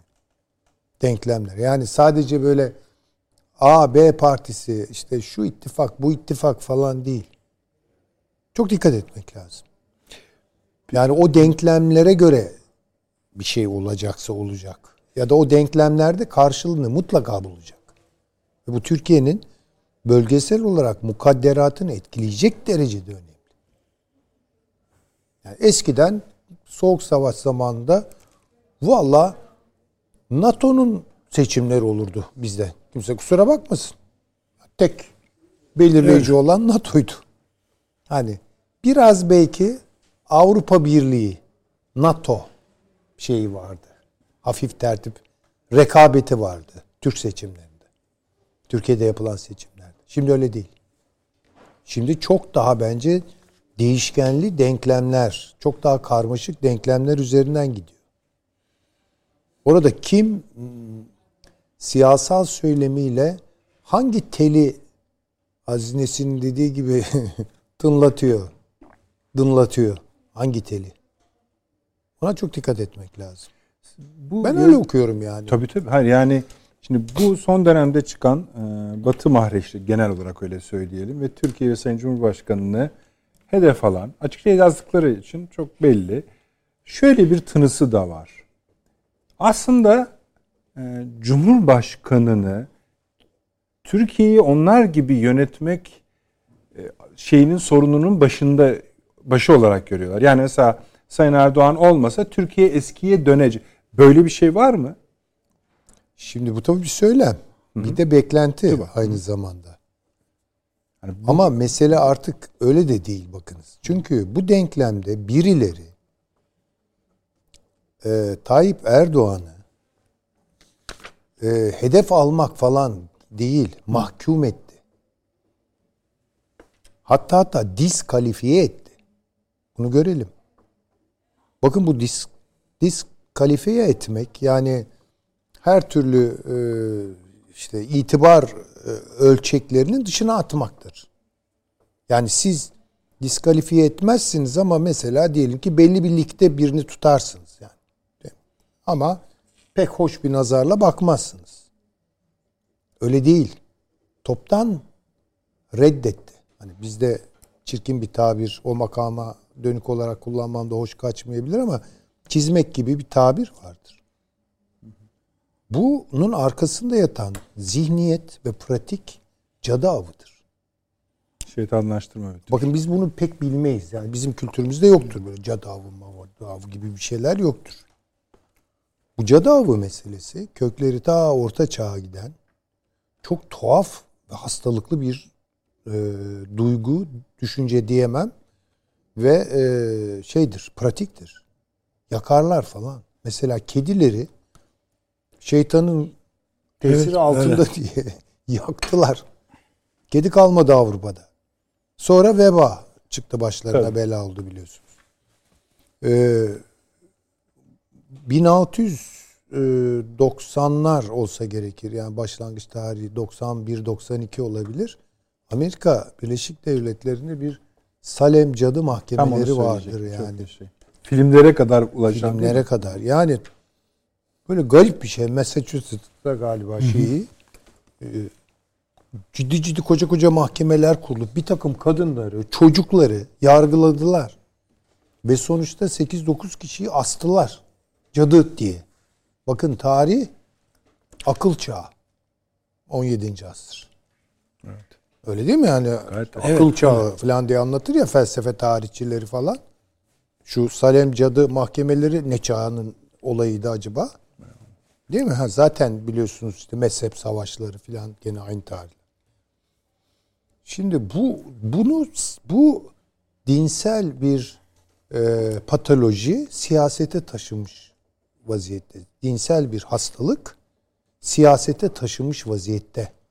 Ve Amerika'nın dünya kurgusunda garip bir biçimde şeytanlaştırdıkları, cadılaştırdıkları figürler, devletler filan oluyor. Ben Pentagon'un gözünde Putin'le e, Tayyip Erdoğan arasında ciddi bir farklılık e, algıda ve değerlendirmede olduğu kanaatinde değilim. Yani böyle bakıyorlar. Ve bu devam edecek. Yani önümüzdeki günlerde endişem odur ki yani endişem diyemem çünkü evet yani bu patoloji bize bulaşmaz belki ama hastalık hastalıktır yani. Bu hastalık nüksediyor yani. Bu çok kötü bir şey. Ee, ve gittikçe daha fazla Türkiye'yi ve Rusya'yı birlikte bu bölgede sıkıştırmak. Hocam Ve- tarifi bu. Yalnız bunun siyasi karşılığı ne? Mesela Türkiye'de ne işe yarıyor bu? E şimdi Yani bu yazıyı Türkiye'de tamam de- bakın hiç içine dokunmadık bile dokunabiliriz. Önemli değil. yani Tabii tabii uzun uzun bak böyle demişler bize. Peki tamam sonra ne oldu yani? Yani Türkiye'de tabii patoloji bu Bir kadar ağır istedikleri bir şey var seyretmiyor. ama. Daha yumuşak seyrediyor ama gene bence patoloji. Böyle bir e, kategorik e, Tayyip Erdoğan e, takıntısı. Yani şöyle bir noktaya itiyor bizim kamuoyumuzun bir kısmını. E, bu adamdan biz kurtulursak başla başına Türkiye ferah erişecek yani. Ha, onu aşan da var. Biz kurtulursak erişmesek de o, yani o tür patoloji de var. Öyleleri Öyle de var. Tabii var yani. Şundan kurtulalım Yani da bedeli Türkiye olursa olsun tabii, tabii. falan gibi yani. Var. Şimdi Yani- tabii bu çok sağlıklı bir siyasal tercihi götürmez insanlar. Yani beğenmeyebilirsiniz. Yani oy vermezsiniz veya verirsiniz, beğenir, verirsiniz. Onu ben bilemem. Ama bu bakış şey bir bakış. Şimdi ama bunun karşılığında da yani o olduğu sürece Türkiye emniyette ferah e, yoluna devam edecek. Yani bir dakika ya bu sorunları da var tabii ki yani yaşadığımız sorunlar da var. Ya bunlar isabet bunlar bakın hepsi birer siyasal nasıl söyleyelim ya hakikaten patoloji deyimini çok kullandım ama yani böyle Her şey şeyi yok yok yani tabii tarif etmek için Ya ne bu- diyeceksiniz ama hani batıyla içerisi arasında bir dokunma noktası tarif ediyorsunuz. Tabii şöyle. Ama hani- evet evet. Hı. Yani bu- bir kere şöyle söyleyelim. Batı kulüpleri bu Avrupa Birliği olabilir. Avrupa Birliği içindeki farklı kulüpler olabilir. İşte Almanya olabilir, İngiltere olabilir, Fransa olabilir mesela değil mi? İşte Amerika Birleşik Devletleri yani bilemem. Yeni Zelanda şeye kadar da götürebilirsiniz Batı'yı, Avustralya'ya kadar. Ee, bu çizgi ya da denklemin bu tarafı e, istemiyor bunu. Çok açık. İstemiyor. Bu Rubin konusuyla ilgili bir şey söyleyeyim. mi? Hangisi? Michael Rubin. Tabii tabii buyurun. Ya acaba dedim hafızam beni yanıltıyor mu? Bu akıllı telefonların internet bağlantısının böyle bir faydası var. Şöyle bir baktım. Evet Şubat 2007. Şimdi bu adam her seçimden önce ortalığı karıştırmak için bir takım laflar söyleyen bir adam. Şöyle bir parantez açıp ben bu think tankçilik nedir?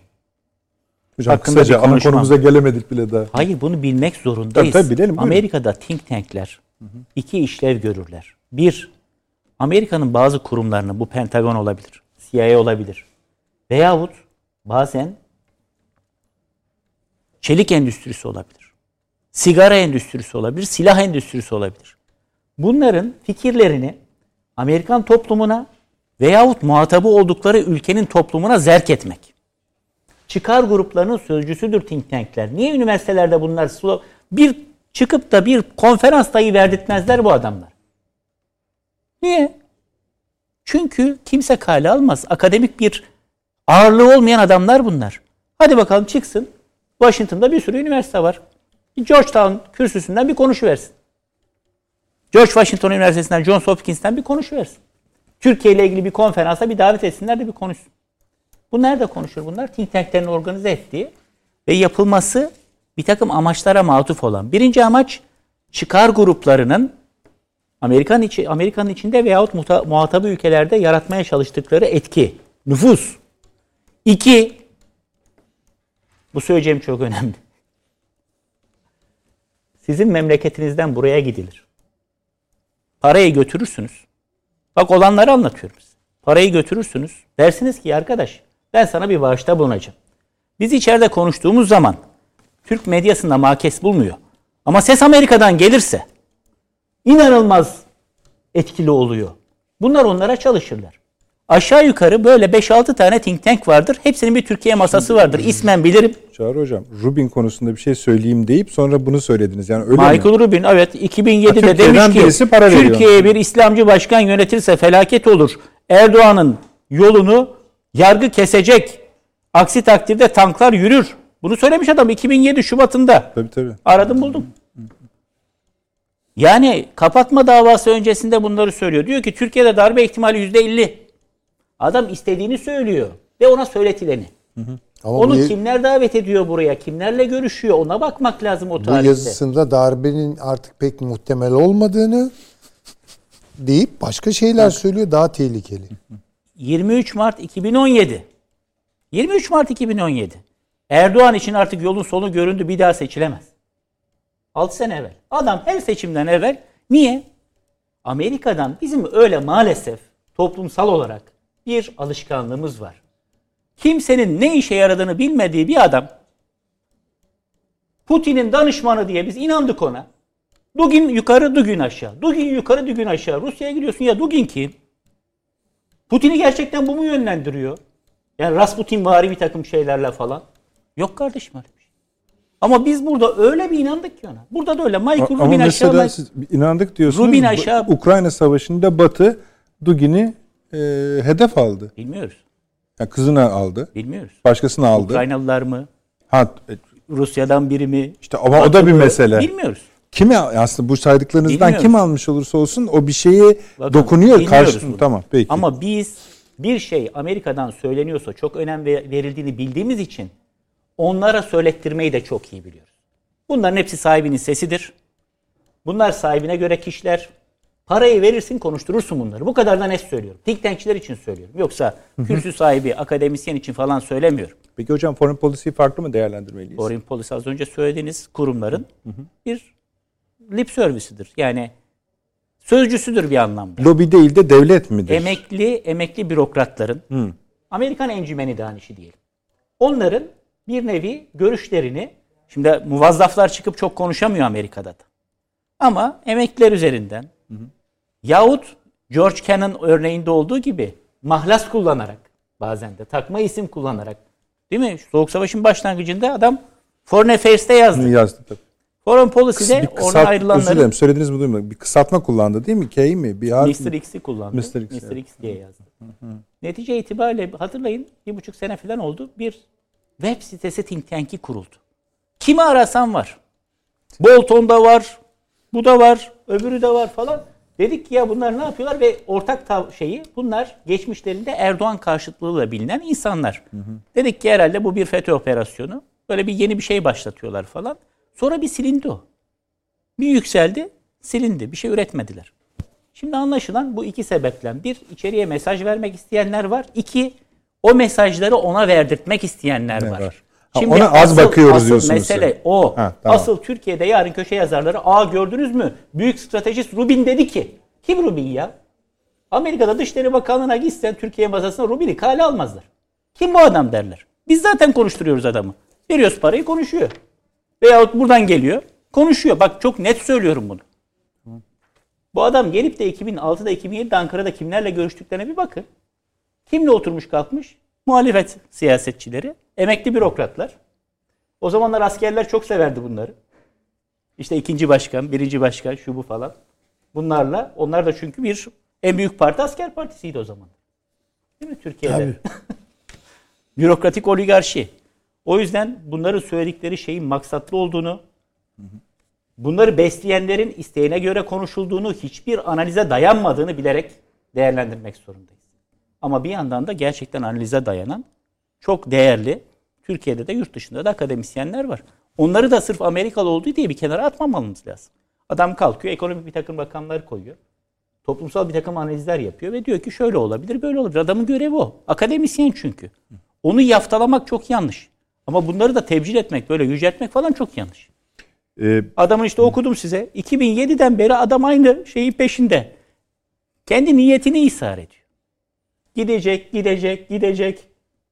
2007'den beri gidecek. Gitmeli diyor ya. Bunu götürmek lazım diyor.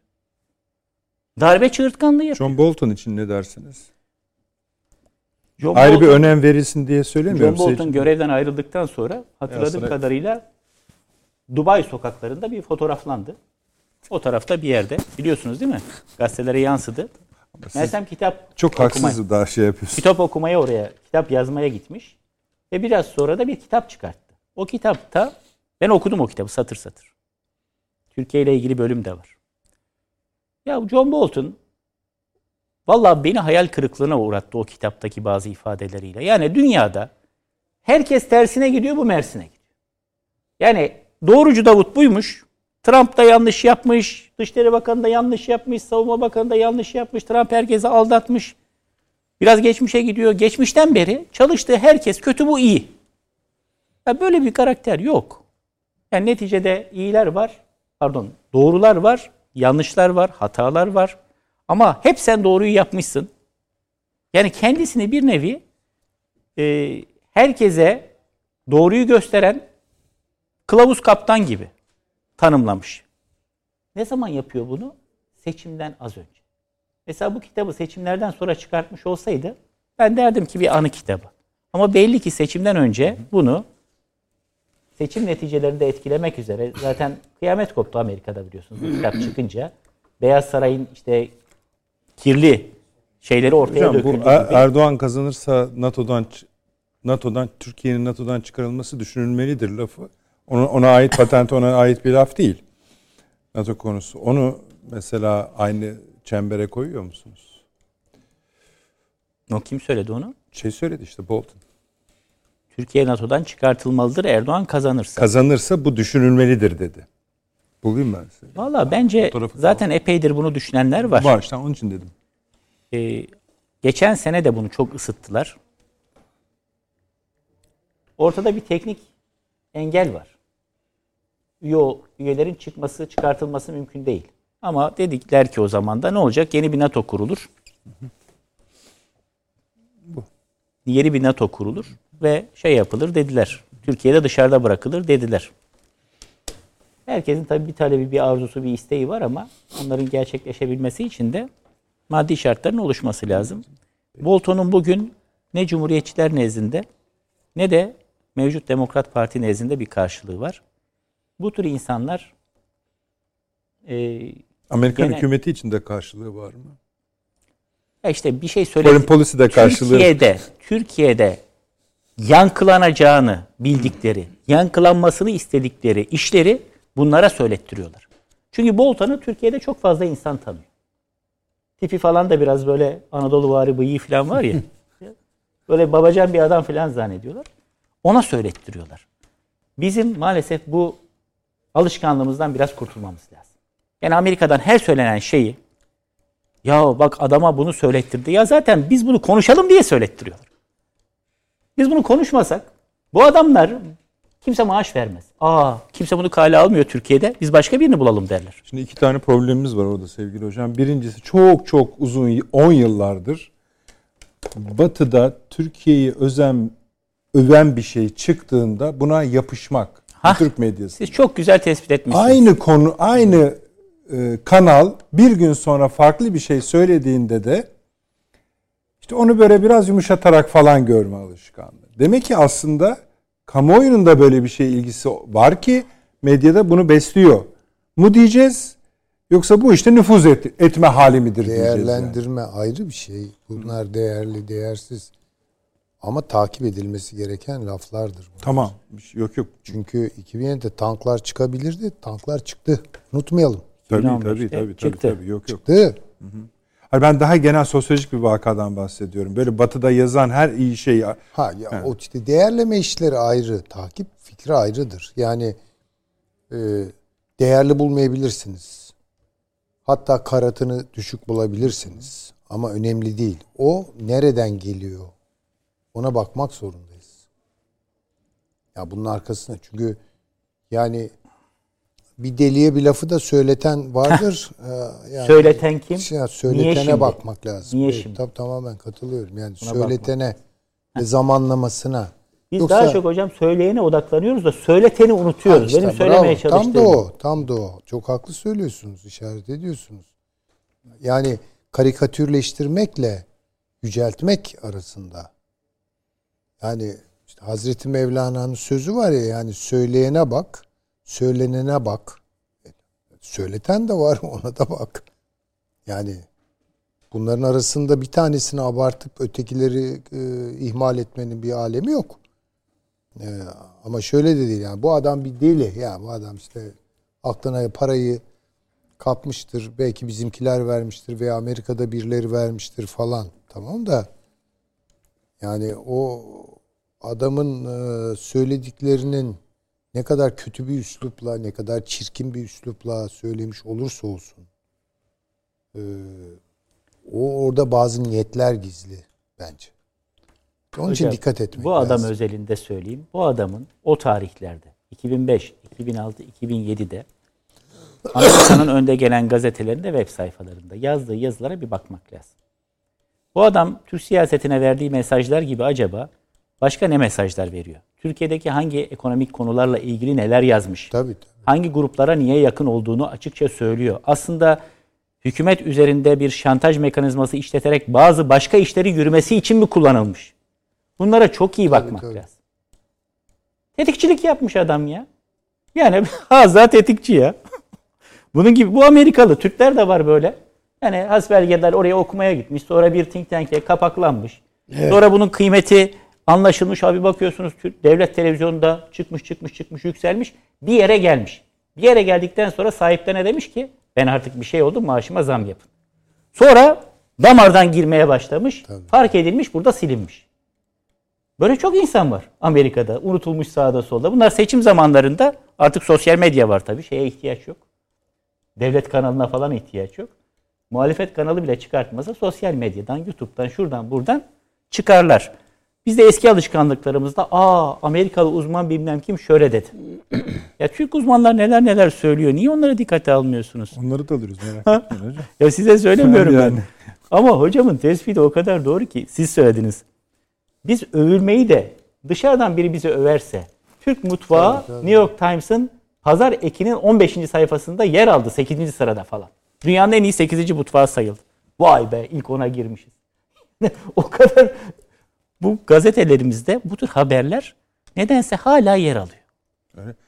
Yani bir, Yani biz Bizi başkasının bizi batılı şey- ama batılı överse. Tabii, Yani tabii. Hindistan gazetesinde bir Tabii, şey çıkarsa tabii, çok tabii. umurumuzda değil yani. Hatta memnun bile kalmayız. aman o övse ne olacak falan gibi. Yani Gana gazetesi Türkiye'den övgüyle bahsetti. Hiç ben bir Canım gazetemizde Gana'ya görmedim. falan çok razıyız. Yani büyük ülke mesela Hindistan'da bir basın organı övse, Çin'de övse, bilmem nerede övse Keşke, bile keşke. yani yok yani, yani ben hani son dönemde bakıyorum yani inanılmaz Türkiye yazanlar var Hindistan'da, Çin. Hadi Rusya'yı anlayabiliriz yazan ama çok ciddi adamların güçlü e, akademisyenlerin, analizci, gazetecilerin, akad- e, şeylerin, büyükelçilerin yazdığını görüyorum. Ve bazı yerlerde hani çok iyi bildiğimizi zannettiğimiz konularda adamların aslında fena da bizden hani ince böyle fine tuning ayarlar ya, şey incelemeler yaptığını görüyorum yani. Tahlil kuvveti çok iyi olan insanlar var. Var, Türkiye'yi çok Tabii. iyi bilen. pratikle Ha, onlar da kendi dış işlerine kızıyorlar ama yazılarında. Yani. olarak bulunmuş. Adam çok güzel analiz yapıyor ve hiçbir siyasi yönlendirme de yapmıyor. Onu okuduğun zaman bir yere oturuyor. Ama bir de böyle vıcık vıcık olanlar var. Evet. Taraf gibi ortaya çıkıp adam son evet. 2007'den beri boyuna demiş ki gidecek gidecek gitmeli gitmeli tanklar yürümeli şöyle etmeli böyle etmeli. Aynı şeyleri bir daha bir daha ısıtıp ısıtıp Peki. getiriyor. Avni Bey kim ödüyor bu paraları Türkiye'de onlara? İşte yani kim ödeyecek? Bizim devlet ödüyor. Hadi canım. Yani odur. Yani Nasıl genelde yani? biz kendimize parasını ödeyerek küfrettiririz yani. Nasıl olur ki? E böyledir bu işin kuralı bu. Ya bu örnekte ben öyle olduğunu yani devlet değildir bu da. Yani iktidar e, uygulamalarında tazarru olan bir takım insanlar öderler. Süleyman yani. Hocam niye güldünüz buna? E, çok ileri bir şey söyledi de yani şaşırttı. Yani, devlete rağmen olmaz bu şeyler. Mekanizmalar böyle çalışıyor. Yani. Bu örnekte öyle olduğunu mu düşünüyorsunuz? Bunlarda da çoğunda öyledir ama. Biraz açın Çünkü bunu. bu, Hiçbir şey bu. Yani ne hocamlar zaten söylediler. Hı. Yani o üzerinde fazla şey yapmaya gerek yok. Hı. Yani bu insanlar hem Amerikan devletinin bir takım kanallarının isteğine hem de bizim devletimize yakın bir takım şeylerin, tabloların isteğine uygun, hepsine uygun, hepsiyle ortak bir e, şey e, arzu, istek doğrultusunda bu işleri yapıyorlar. Yani 30 bilmem kaç tane büyükelçi oturup bildireyim imzaladı ya, mektup imzaladı filan. Kim organize ediyor bunları? Niye organize ediyor? Nasıl organize etti? Yani hangi büyükelçiye neyi okuttular da imzalattılar? Değil mi? Yani bizim bunu yapan Türkiye'nin siyasetçisi filan yani ya şunu, acaba şu işi yani biz böyle böyle bir mektup yazacağız uygun mu efendim diye okutuyorlar adama. Adam da ne desin adam da iyi olmuş güzel şu, şu kelimeyi değiştirin filan diyor. E, böyledir yani.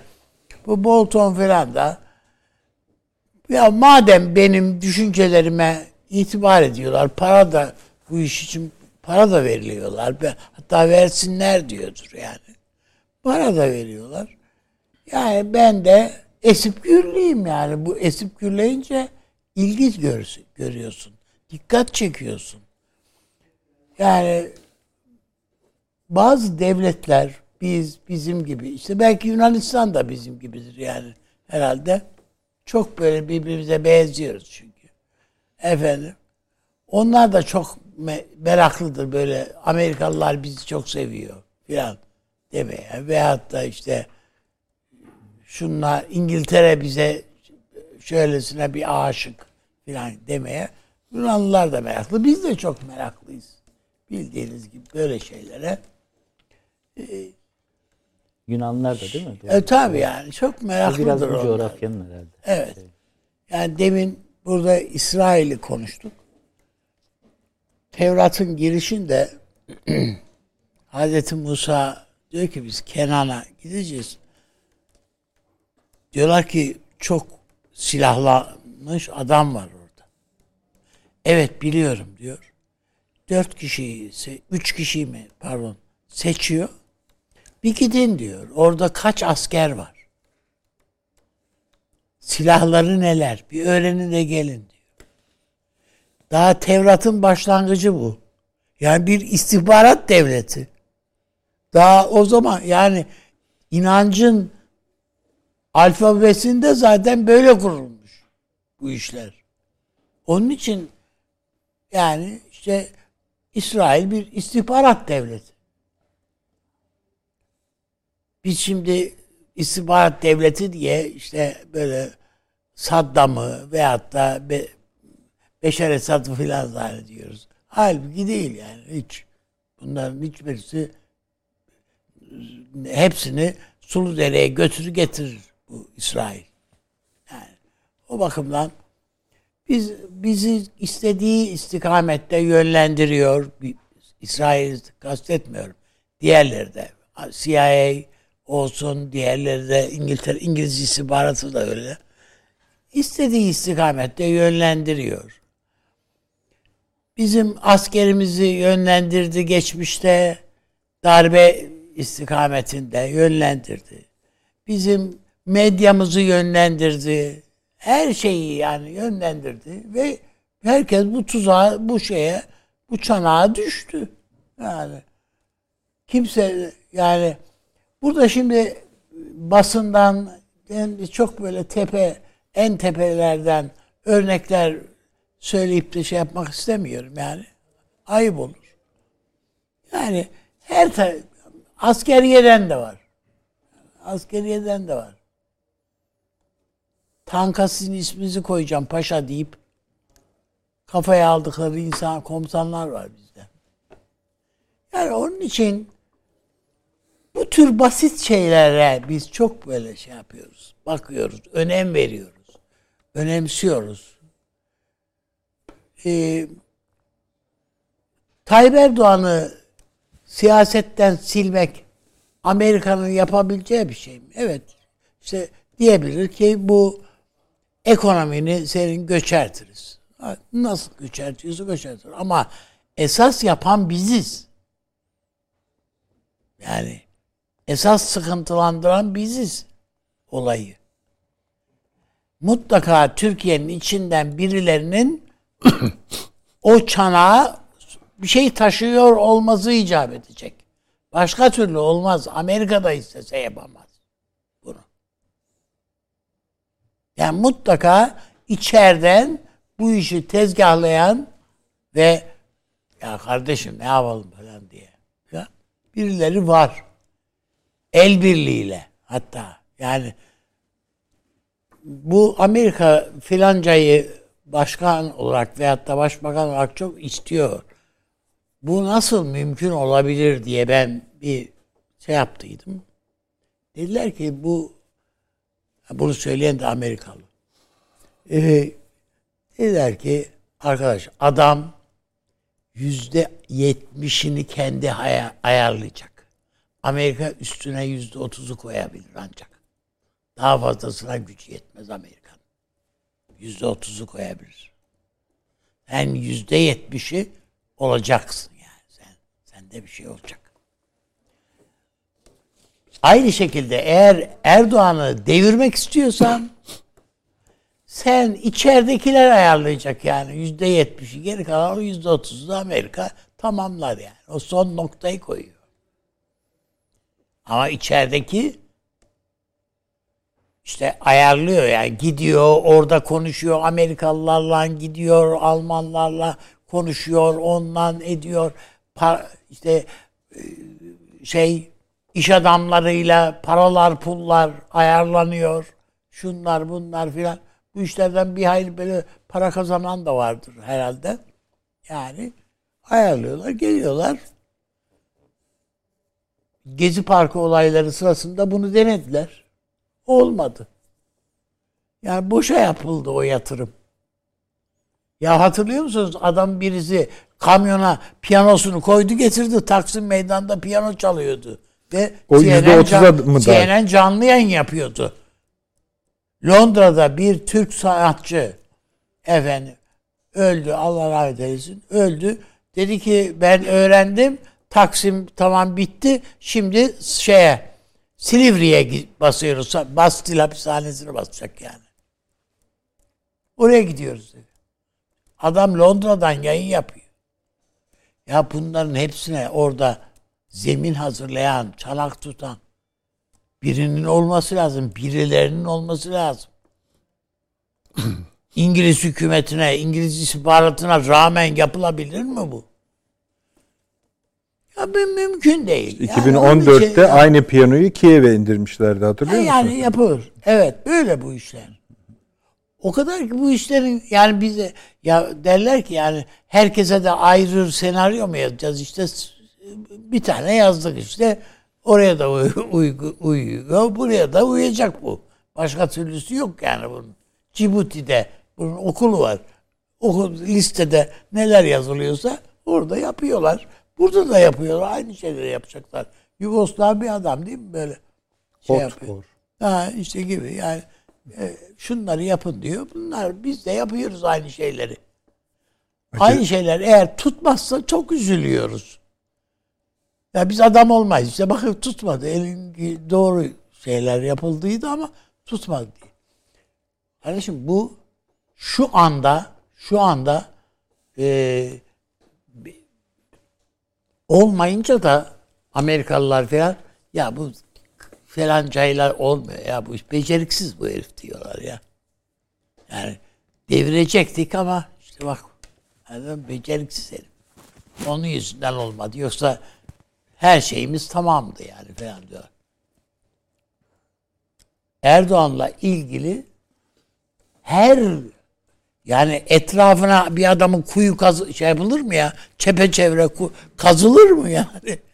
Ya adım adım atsa düşecek ya bunu atsa diye. Her tarafını kazdılar. Şu anda öyle.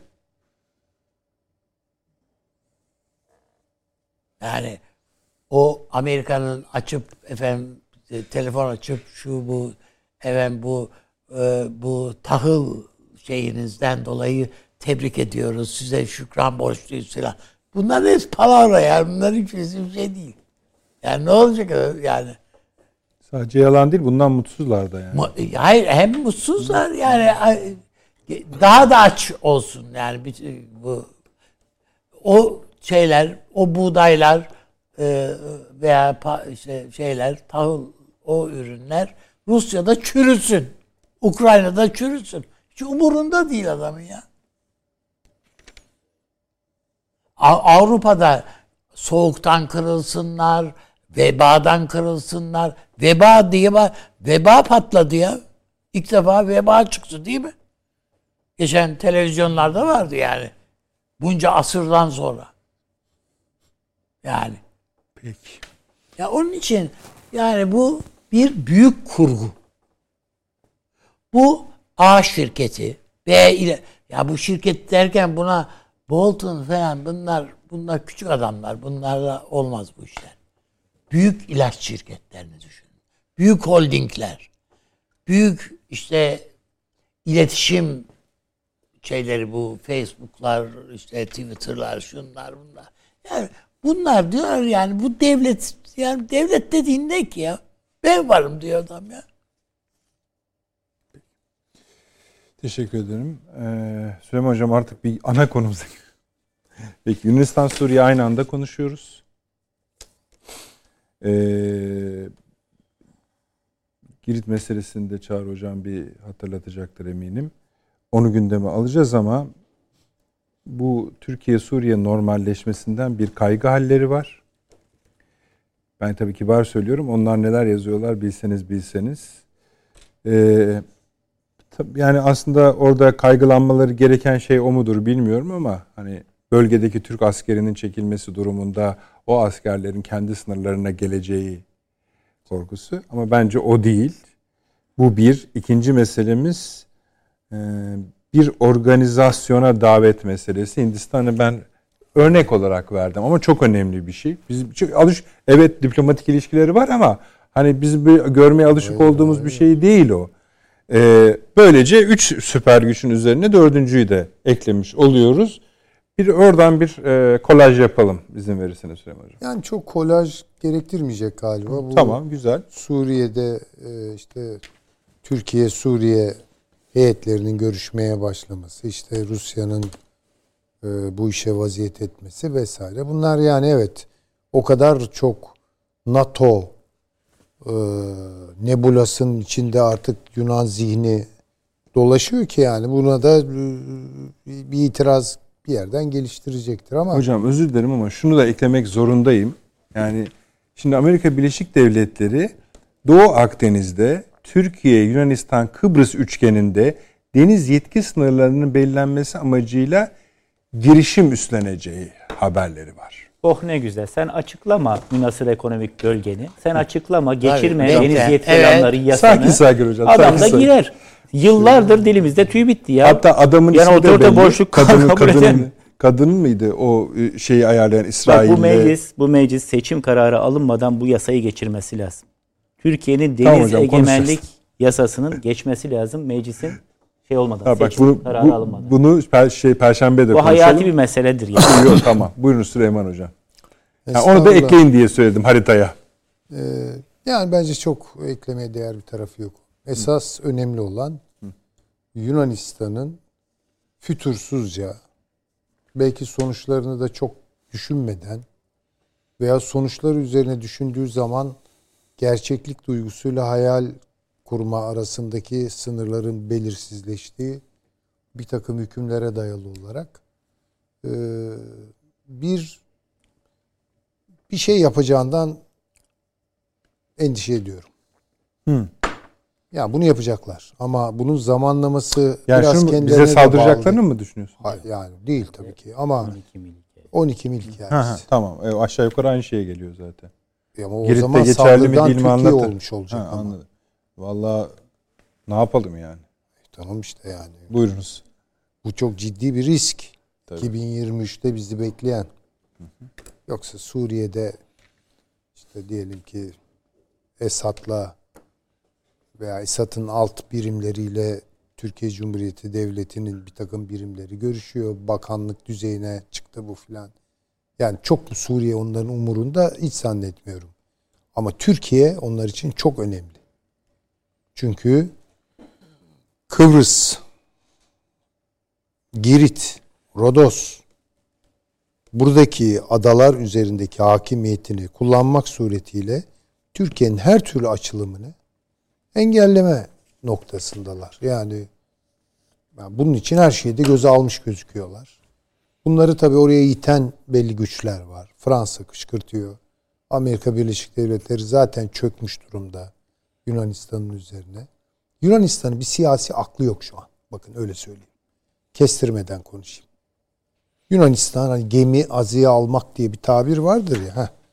Gemi azıya almış. E, bu biraz da azgınlığa doğru götürüyor Yunanistan'ı. E, yapacak bir şey yok. Yani böyle bir kışkırtma yaparlarsa, böyle bir emrivaki oldu bitti e, yaparlarsa Türkiye'nin de yapacak başka bir şey yok. Yani Türkiye orada gözünü karartmak zorunda. Çünkü ona rağmen hala diplomasi, istikşafi görüşmeler falan derse hangi hükümet A, B, C fark etmez. O hükümet e, biraz da e, şeyi düşündür. Yani Türkiye'yi düşünmeden iş yaptığına dair rezerv ne kadar düşünce varsa hatta açık suçlama varsa onu hak ediyor demektir. Yani E, çünkü zaten bir şeyin Türkiye Cumhuriyeti e, Meclisi'nin almış olduğu bir karar var. Yani bu O Girit'e bağlıyor mu? belli. Bağlanıyor mu? Onu bilmiyorum şimdi da Süleyman bunu hocam. peyderpey yapacaklar zaten. He, anladım. Yani şimdi orada bir Önce taktik Girit'in batısını Ha, şimdi önce İyon denizinde başlattılar. Evet, orada başlatacaklar. Yunan şeyle İtalya ile anlaştılar. 12 mile çıkarttılar orada. Ha, iki tarafta burada bu iş problem etmedi. Yavaş yavaş buraya doğru götürüyorlar. Ya bu süreci ciddiye almamız gerektiğini, bunun bir blöf olmadığını bize düşündürdü. Yani yavaş yavaş önce Girit'te. Sonra mesela şöyle diyecekler. Yani diyelim ki Midilli için, Sakız için 6 mil değil de 6,5 mil yaptık diyecekler mesela. Ya 7 mil hani bu hoş bir tabir değil ama arının gözüne çöp dürtmek diye bir şey vardır yani. Bunun gibi bir şey. Yani Türkiye'nin sinir uçlarıyla oynamak, Türkiye'yi tahrik etmek, Türkiye'yi ta- tahkir etmek. İşte siyasi akılları olmadığı için da yani Tabii artık almışlar gidiyorlar yani. Tabii. Bunlar, bu bunlar, onun için tehlikeli. Yoksa hani şeyden Tabii. değil. Ya ve Yunan kamuoyu da bunu seyrediyor. Belki de destek Bayağı de muhalif veriyor. şeyler vardı. Ya Var siz ama aklınız yani- başınızda mı? Ne yapıyorsunuz? Değil, Kesin vurur muhakkak aklı başında Yunanlılar vardır. Ee, Hiç ondan şüphem, endişem yok ama yani bunun etkisi yok. Yani etkisi yok. Şu an Yunanistan almış başını gidiyor yani. Tamam, burada- Ne olur kızmayın hocam. Tabii, tabii. dakikası var. Yani almış başını gidiyordan 3 dakika efendim reklamımız, son reklamımız zaten. Bunu konuşmaya devam edeceğiz. Ee, İzninizi rica ediyoruz. Akıl Odası devam ediyor Süleyman Seyfi Öğün hocamın. Gemi azıyı aldılar gidiyorlar cümlesinde. Tabii yani bir kere Yunanistan'da o duygular baskın fakat bunu yönetiyor belli bir akıl tabii ki. Yani bu o kadar başıboş giden bir süreç değil. Planlamalarını yapıyor, stratejisini kuruyor, taktiklerini e, belirliyor vesaire. E, hatırlayalım Tayyip Erdoğan'la Sisi el sıkıştılar. Değil mi? Ertesi gün Dendias Kahire'deydi. Tabii tabii. İşte Libya'ya bir ayağını uzattı. Orada istediğini elde etmedi. Fakat sürekli olarak tatbikatlar ve stratejik anlaşmalarla Libya'yı tahrik şey yaparak tahkir ederek tahkir ederek tabii yani Batı e, tarafını a- özellikle. uç- uçaktan inmeden öbür tarafa gitti. Evet. Şimdi e, dolayısıyla ittifak dünyasını da güçlendirme peşinde. Bizi şaşırtan şey aslında şaşırtmaması da gerekiyor. Evet işin içinde Mısır var. İşin içinde tabii ki Güney Kıbrıs var. e, İsrail var. E, Birleşik Arap Emirlikleri var. Suudi Arabistan var. Bunlar derece derece. Ama sert bir çekirdek etrafında örülüyor bunların hepsi. İlk defa dışarıdan yani Asya'dan bir güç de buraya geldi. Hindistan. Ve ona diyor ki buradaki organizasyona ne o organizasyon kardeşim? Ne var yani? Bu yeni bir şey değil. Çünkü Hanidir Hint donanması Doğu Akdeniz'de ve Yunan donanması ile birlikte tatbikat yapıyor. Hanidir. Yeni bir şey değil yani. Bunu ileri bir evreye taşımak istiyorlar. Hindistan'ın ne işi var burada? Hindistan niye Doğu Akdeniz'de? Çünkü Türkiye-Pakistan ilişkileri özellikle Kafkasya'da yani Azerbaycan e, Ermenistan e, savaşında çok ileri bir sıçrama yaptı. Hatta hatırlayalım beraber tatbikat yapıldı Tabii. orada. Ve bu dendi ki yani biraz tabii aşırı bir yorum ama işte üç devlet bir millet falan gibi. Yani Ee, Pakistan yetkililerin açıklamaları o zaman çok net. Ee, yani sonuna kadar burada Türkiye'nin yanındayız, Azerbaycan'ın yanındayız. Şimdi buna tabii ki Hindistan bilgane kalamayacaktı. O da başka bir yerde bu kartı açtı. Yani Doğu Akdeniz'de ben de varım dedi. Şimdi bakın güçler buraya doğru geliyor. Tabii. Çin Hatta geliyor. bu kadar dar bir alana- geliyor. E Fransa zaten biliyoruz öteden beri burada burnunu Doğu Akdeniz'e özel olarak sokmaktan büyük zevk alır. İngiltere biraz da Türkiye ile olan ilişkilerini değiştirerek gösterdi kendini Güney Kıbrıs'ta. Ve Ermenistan'da. O da aklıma geldi. Acaba bu Hindistan'daki eğilimin parçası Ee, mıdır? Yani Londra. olabilir bilemiyorum. Yani o montajı kim yaptı oraya? Yani bu bağımsız olarak Hindistan e, diplomasisinin veya devlet aklının aldığı bir karar mıdır? Yoksa bir şeyler o ara onlara sufle edildi veya empoze edildi mi bilemiyoruz. Ama artık Hindistan da var. Bakınız biz Birleşmiş Milletler'de Çin'le polemik yaşadık. Yani bakın bunlar çok önemli göstergeler. Çok önemli göstergeler.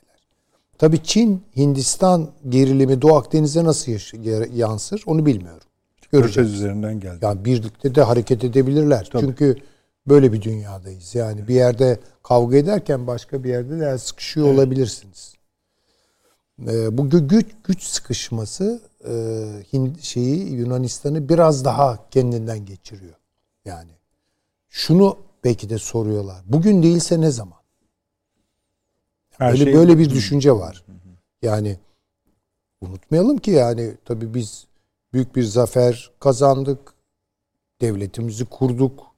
İşte Lozan dünyaya tanıttık, kabul ettirdik vesaire. Bunlar tabii bizi böyle yani kendi kendimizle müftehir kılan e, süreçler ve elbette buna da hakkımız var doyasıya. O ara ama Yunanistan'da neler oluyordu? O yıkımı düşünebiliyor musunuz? Bu yıkımın Yunan siyasi tarihinde doğurduğu travmayı ya bunun için çok bilinç altlarına falan gitmeye gerek yok. Bilinçlerini inşa etti bu. Hatta arkaya attıkları çok az şey var. Bence bilinçli tuttukları ancak belki bu kadar diyelim ki e, çılgın bir maceraya tekrar atılacak kadar e, açığa çıkartmadıkları ama bu Yunan siyasal bilincinin kurucu unsuru. Rövanş almak. Orada kaybettik. Ama biz bunun rövanşını alacağız. Hocam 74'te de kaybettiler. İşte bir de o eklendi. Çok haklısınız. Üstüne. Yani bir ikinci travma daha var. Yani. Şimdi o zaman şöyle diyorlar. Yani bugün değilse ne zaman? Bu da işte bu maceranın Yunanistan'ın Yunan halkının, Yunan ulusunun ki onları çok seviyoruz. Onu tamamen ayrı tutuyoruz. Ee, onlara büyük bir bedel ödetebilecek olan, tabii Türkiye'ye de çok ağır zararları olabilecek olan bu maceranın bir kere bütün kurgusu hazır. Yani bir kıvılcım derler ya, yani barutlar yığılmış. Evet. Şimdi düşünebiliyor musunuz? Yani Türkiye'ye 8 kilometre uzaklıktaki bilmem ne adası veya adacığı Yunan Genelkurmay Başkanı geliyor. Ya adeta nanik yapıyor. Türkiye'ye. Orada bir birlikleri var falan işte onu denetliyor falan. Ne demek bu bütün bunlar? Yani bir taraftan tahrik ve tahkir birlikte işliyor. Bunun zamanlamasını çok Yunanistan'a bırakacakları kanaatinde değilim ben. Ama bunun zamanlamasını kendilerine göre yapanlar her kimse bu Yunanistan'ı avucunda tutan güçtür. Bunun işaretini verdiği an durmayacaklardır. Yani bunu hemen kuvveden fiile geçireceklerdir. Bu da çok sıkıntılı tabii ki. Yani orada evet ne kadar kısa sürdüğü süreceği tahmin ediliyor. Ben bilmiyorum. Kısa mı sürer, uzun mu sürer? 48 saat mi sürer? Bir hafta mı sürer? Yani ama ağır bir yıkım getirecektir. Hem Türkiye'ye hem Yunanistan'a. Ee, seçim sürecinde böyle bir şeyin olması ihtimalini etkileyen Zor bir görüyorum. dönem midir? Zor görüyorum onu. Ama bu yani bilinmez Kulağımızı tabii. tersinden tutmaya tutsak ne olur? Yani şu Ama açıdan. şimdi şöyle yani böyle bir e, hakikaten fevkalade bir durum yerleşik olan kimse iktidarda onu güçlendirir. Yani onun bu için yüzden bunu diyorsunuz. tavsiye yani bunu Yunanların da seçimi. var. Yunan onların da seçimi var. İşte orada biraz eli yükselteceklerdir. Yani tahriklerini arttıracaklardır, tahkirlerini arttıracaklardır falan. Yani Türkiye'yi iyice kışkırtmak ve bir an evvel saldırgan konumuna getirmek. Çünkü Türkiye orada bu girişimin e, 16 şey 12 mil meselesi e, hayata geçirilmeye kalkılırsa eğer ki Mevlüt Çavuşoğlu bence çok isabetli bir açıklama yaptı. Dedi ki bir mil bile arttıramazlar. Bir santim. Bir santim bile arttıramaz. Bu güzel. Çünkü ben bir de şundan endişe ediyorum. Ya 12 mil olmadı ama bunlar işte 7 mil yaptılar. 8 Meclis mil- kararı 6 Ha. milim bir santim üzerine diyor. Müsaade etmeyiz. Ha, tamam. Yani Ya dolayısıyla şey. e, bu konuda Türkiye kararlılığını gösterdi. Yapacak bir şey yok. Ama bütün bunlarla birlikte ne yapılmak isteniyor? Türkiye'yi biraz daha Dünya Ligi'nin dışına atma. Şimdi bununla ilgili bir şey söyleyeyim. İki kritik tarih vardır modern Türkiye Cumhuriyeti'nin tarihi açısından.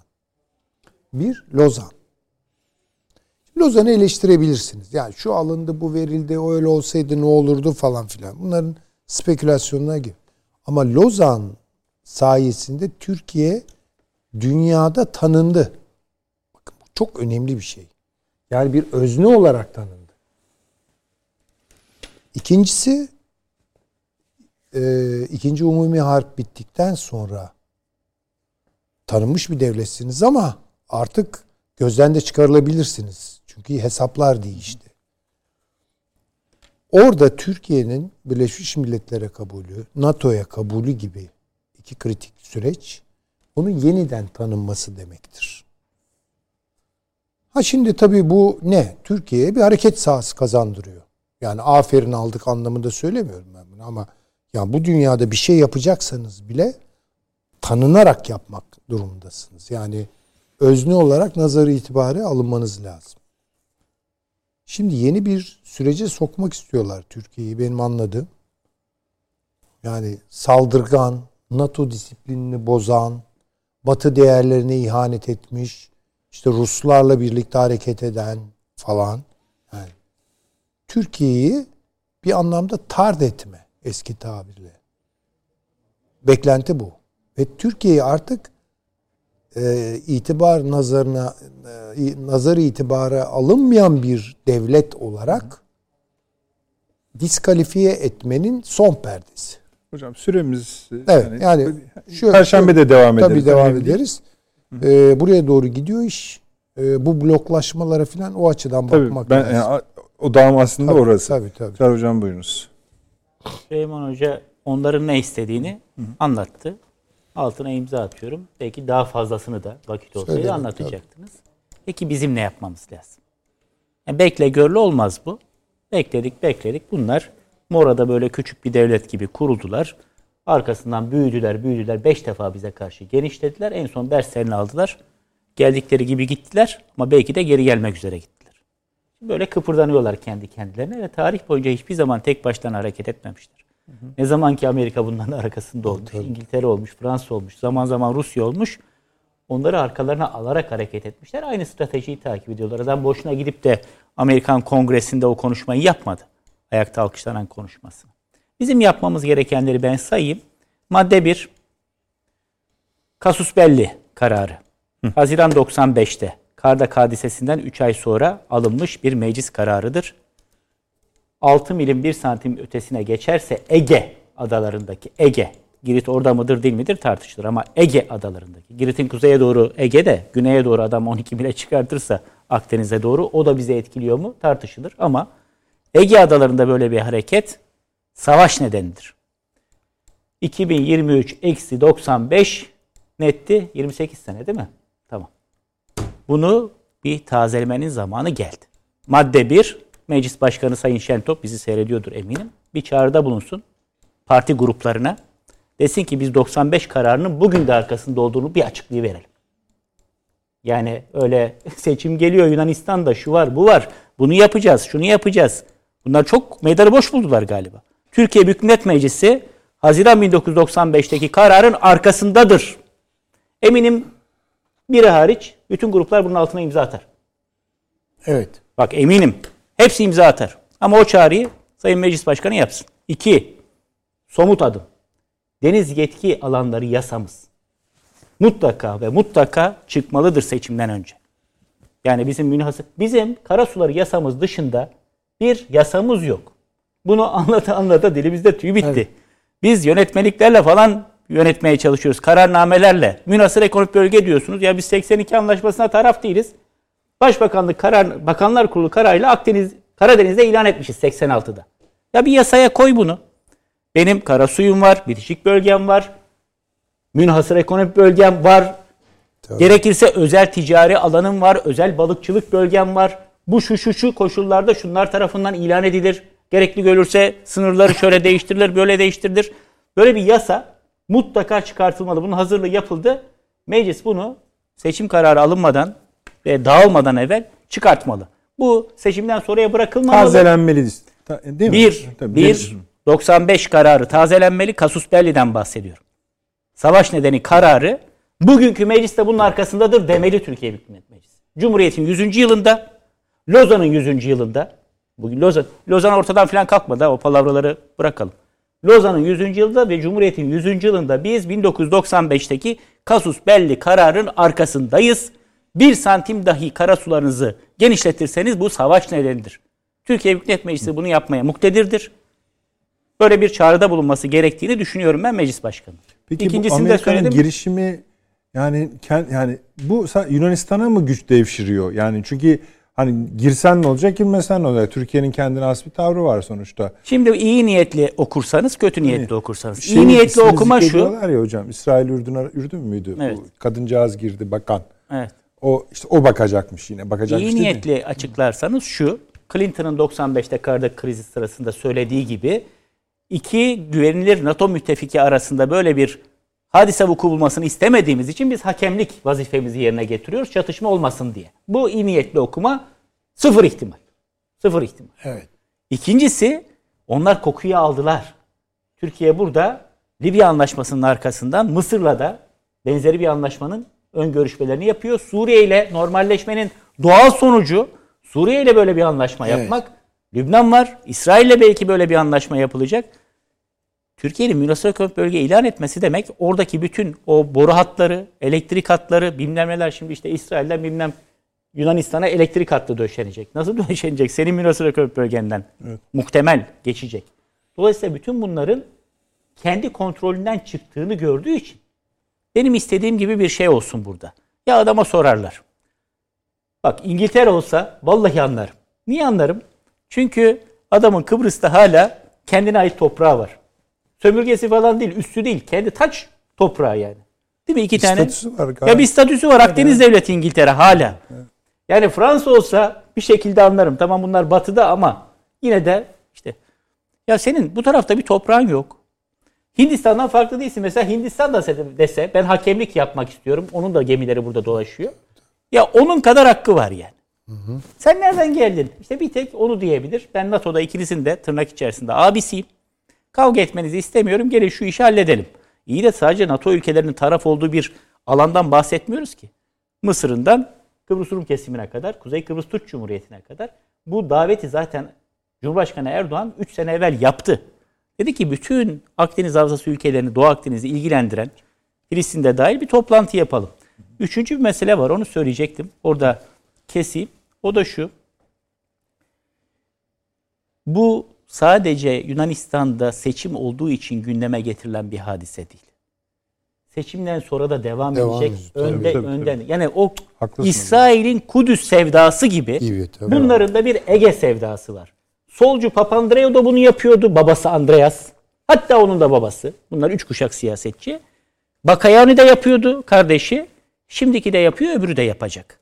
O sebeple bizim kendi tedbirimizi kendimiz almamız gerekiyor ve kararlılığımızı en üst düzeyden Türkiye Büyük Millet Meclisi'nden karşı tarafa bildirmemiz gerekiyor. O zaman bir bakalım ne yapacaklar. Ben çok bir şey yapabileceklerini zannetmiyorum. Onlar zannediyor ki üzerinden 28 sene geçti.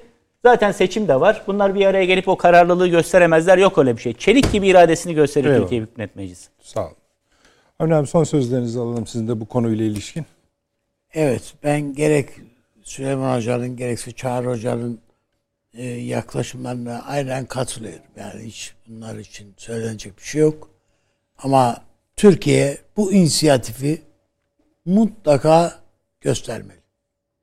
Başka türlü biz e, ne olur ne biter bil- bilemediğimiz bir kaosun içinde bazen bakarsınız kargaraya gelir bir yiyin bir şeyler o önümüze pişirilip getirilmiş konmuş olur. Bunları geçmişte gördük. Ve aa böyle miymiş dedik sonradan. Yani örneklerini vermeyeyim şimdi vakti var, vakit yok. Ee, o bakımdan ben e, siyasi tuzaklara e, düşme ihtimalimizin fazla olduğu bir dönemdeyiz. diye düşünüyorum. Yani geçmişte hatırlayın yani Avrupa Birliği'ne girdik ha girdik ha giriyoruz zannedip ne imzalar attık yani. Bu 12 mil dahil mi dediğinizde? Ha? Hayır bu, Mesela- bununla alakalı söylemedim. Yani başkaca yani Hani uluslararası tuzaklara müsait hatırlıyorsanız ya, hı. havai fişekler falan. Yok yok o tamam. falan. Hani biz siyasi Neler bu dönemde siyasi tuzaklara müsait Yani bir ortam var dediniz ya. öyle bir bu dönemde demiyorum. Yani batıda ha bu Türklerin üstüne gidersek olur bazı şeyler diye. Söylüyorsunuz. Peki. Çok teşekkür ediyorum. Bu, bu konunun aslında tabii daha Suriye kısmı da var. Yani önemli bir parçası duruyor. Hatta Akdeniz'in kendisi üzerinden çok ülkeli parçası da var. Onun da incelenmesi gerekiyor. Perşembe inşallah kaldığımız yerden diğer yeni konularla birlikte üzerine gideriz. Avni Bey çok teşekkür ediyorum. Ben Süleyman Hocam, ederim. Çağrı Hocam ağzınıza sağlık. Eksik olmayınız. Ee, Perşembe akşamı efendim 20.45 inşallah.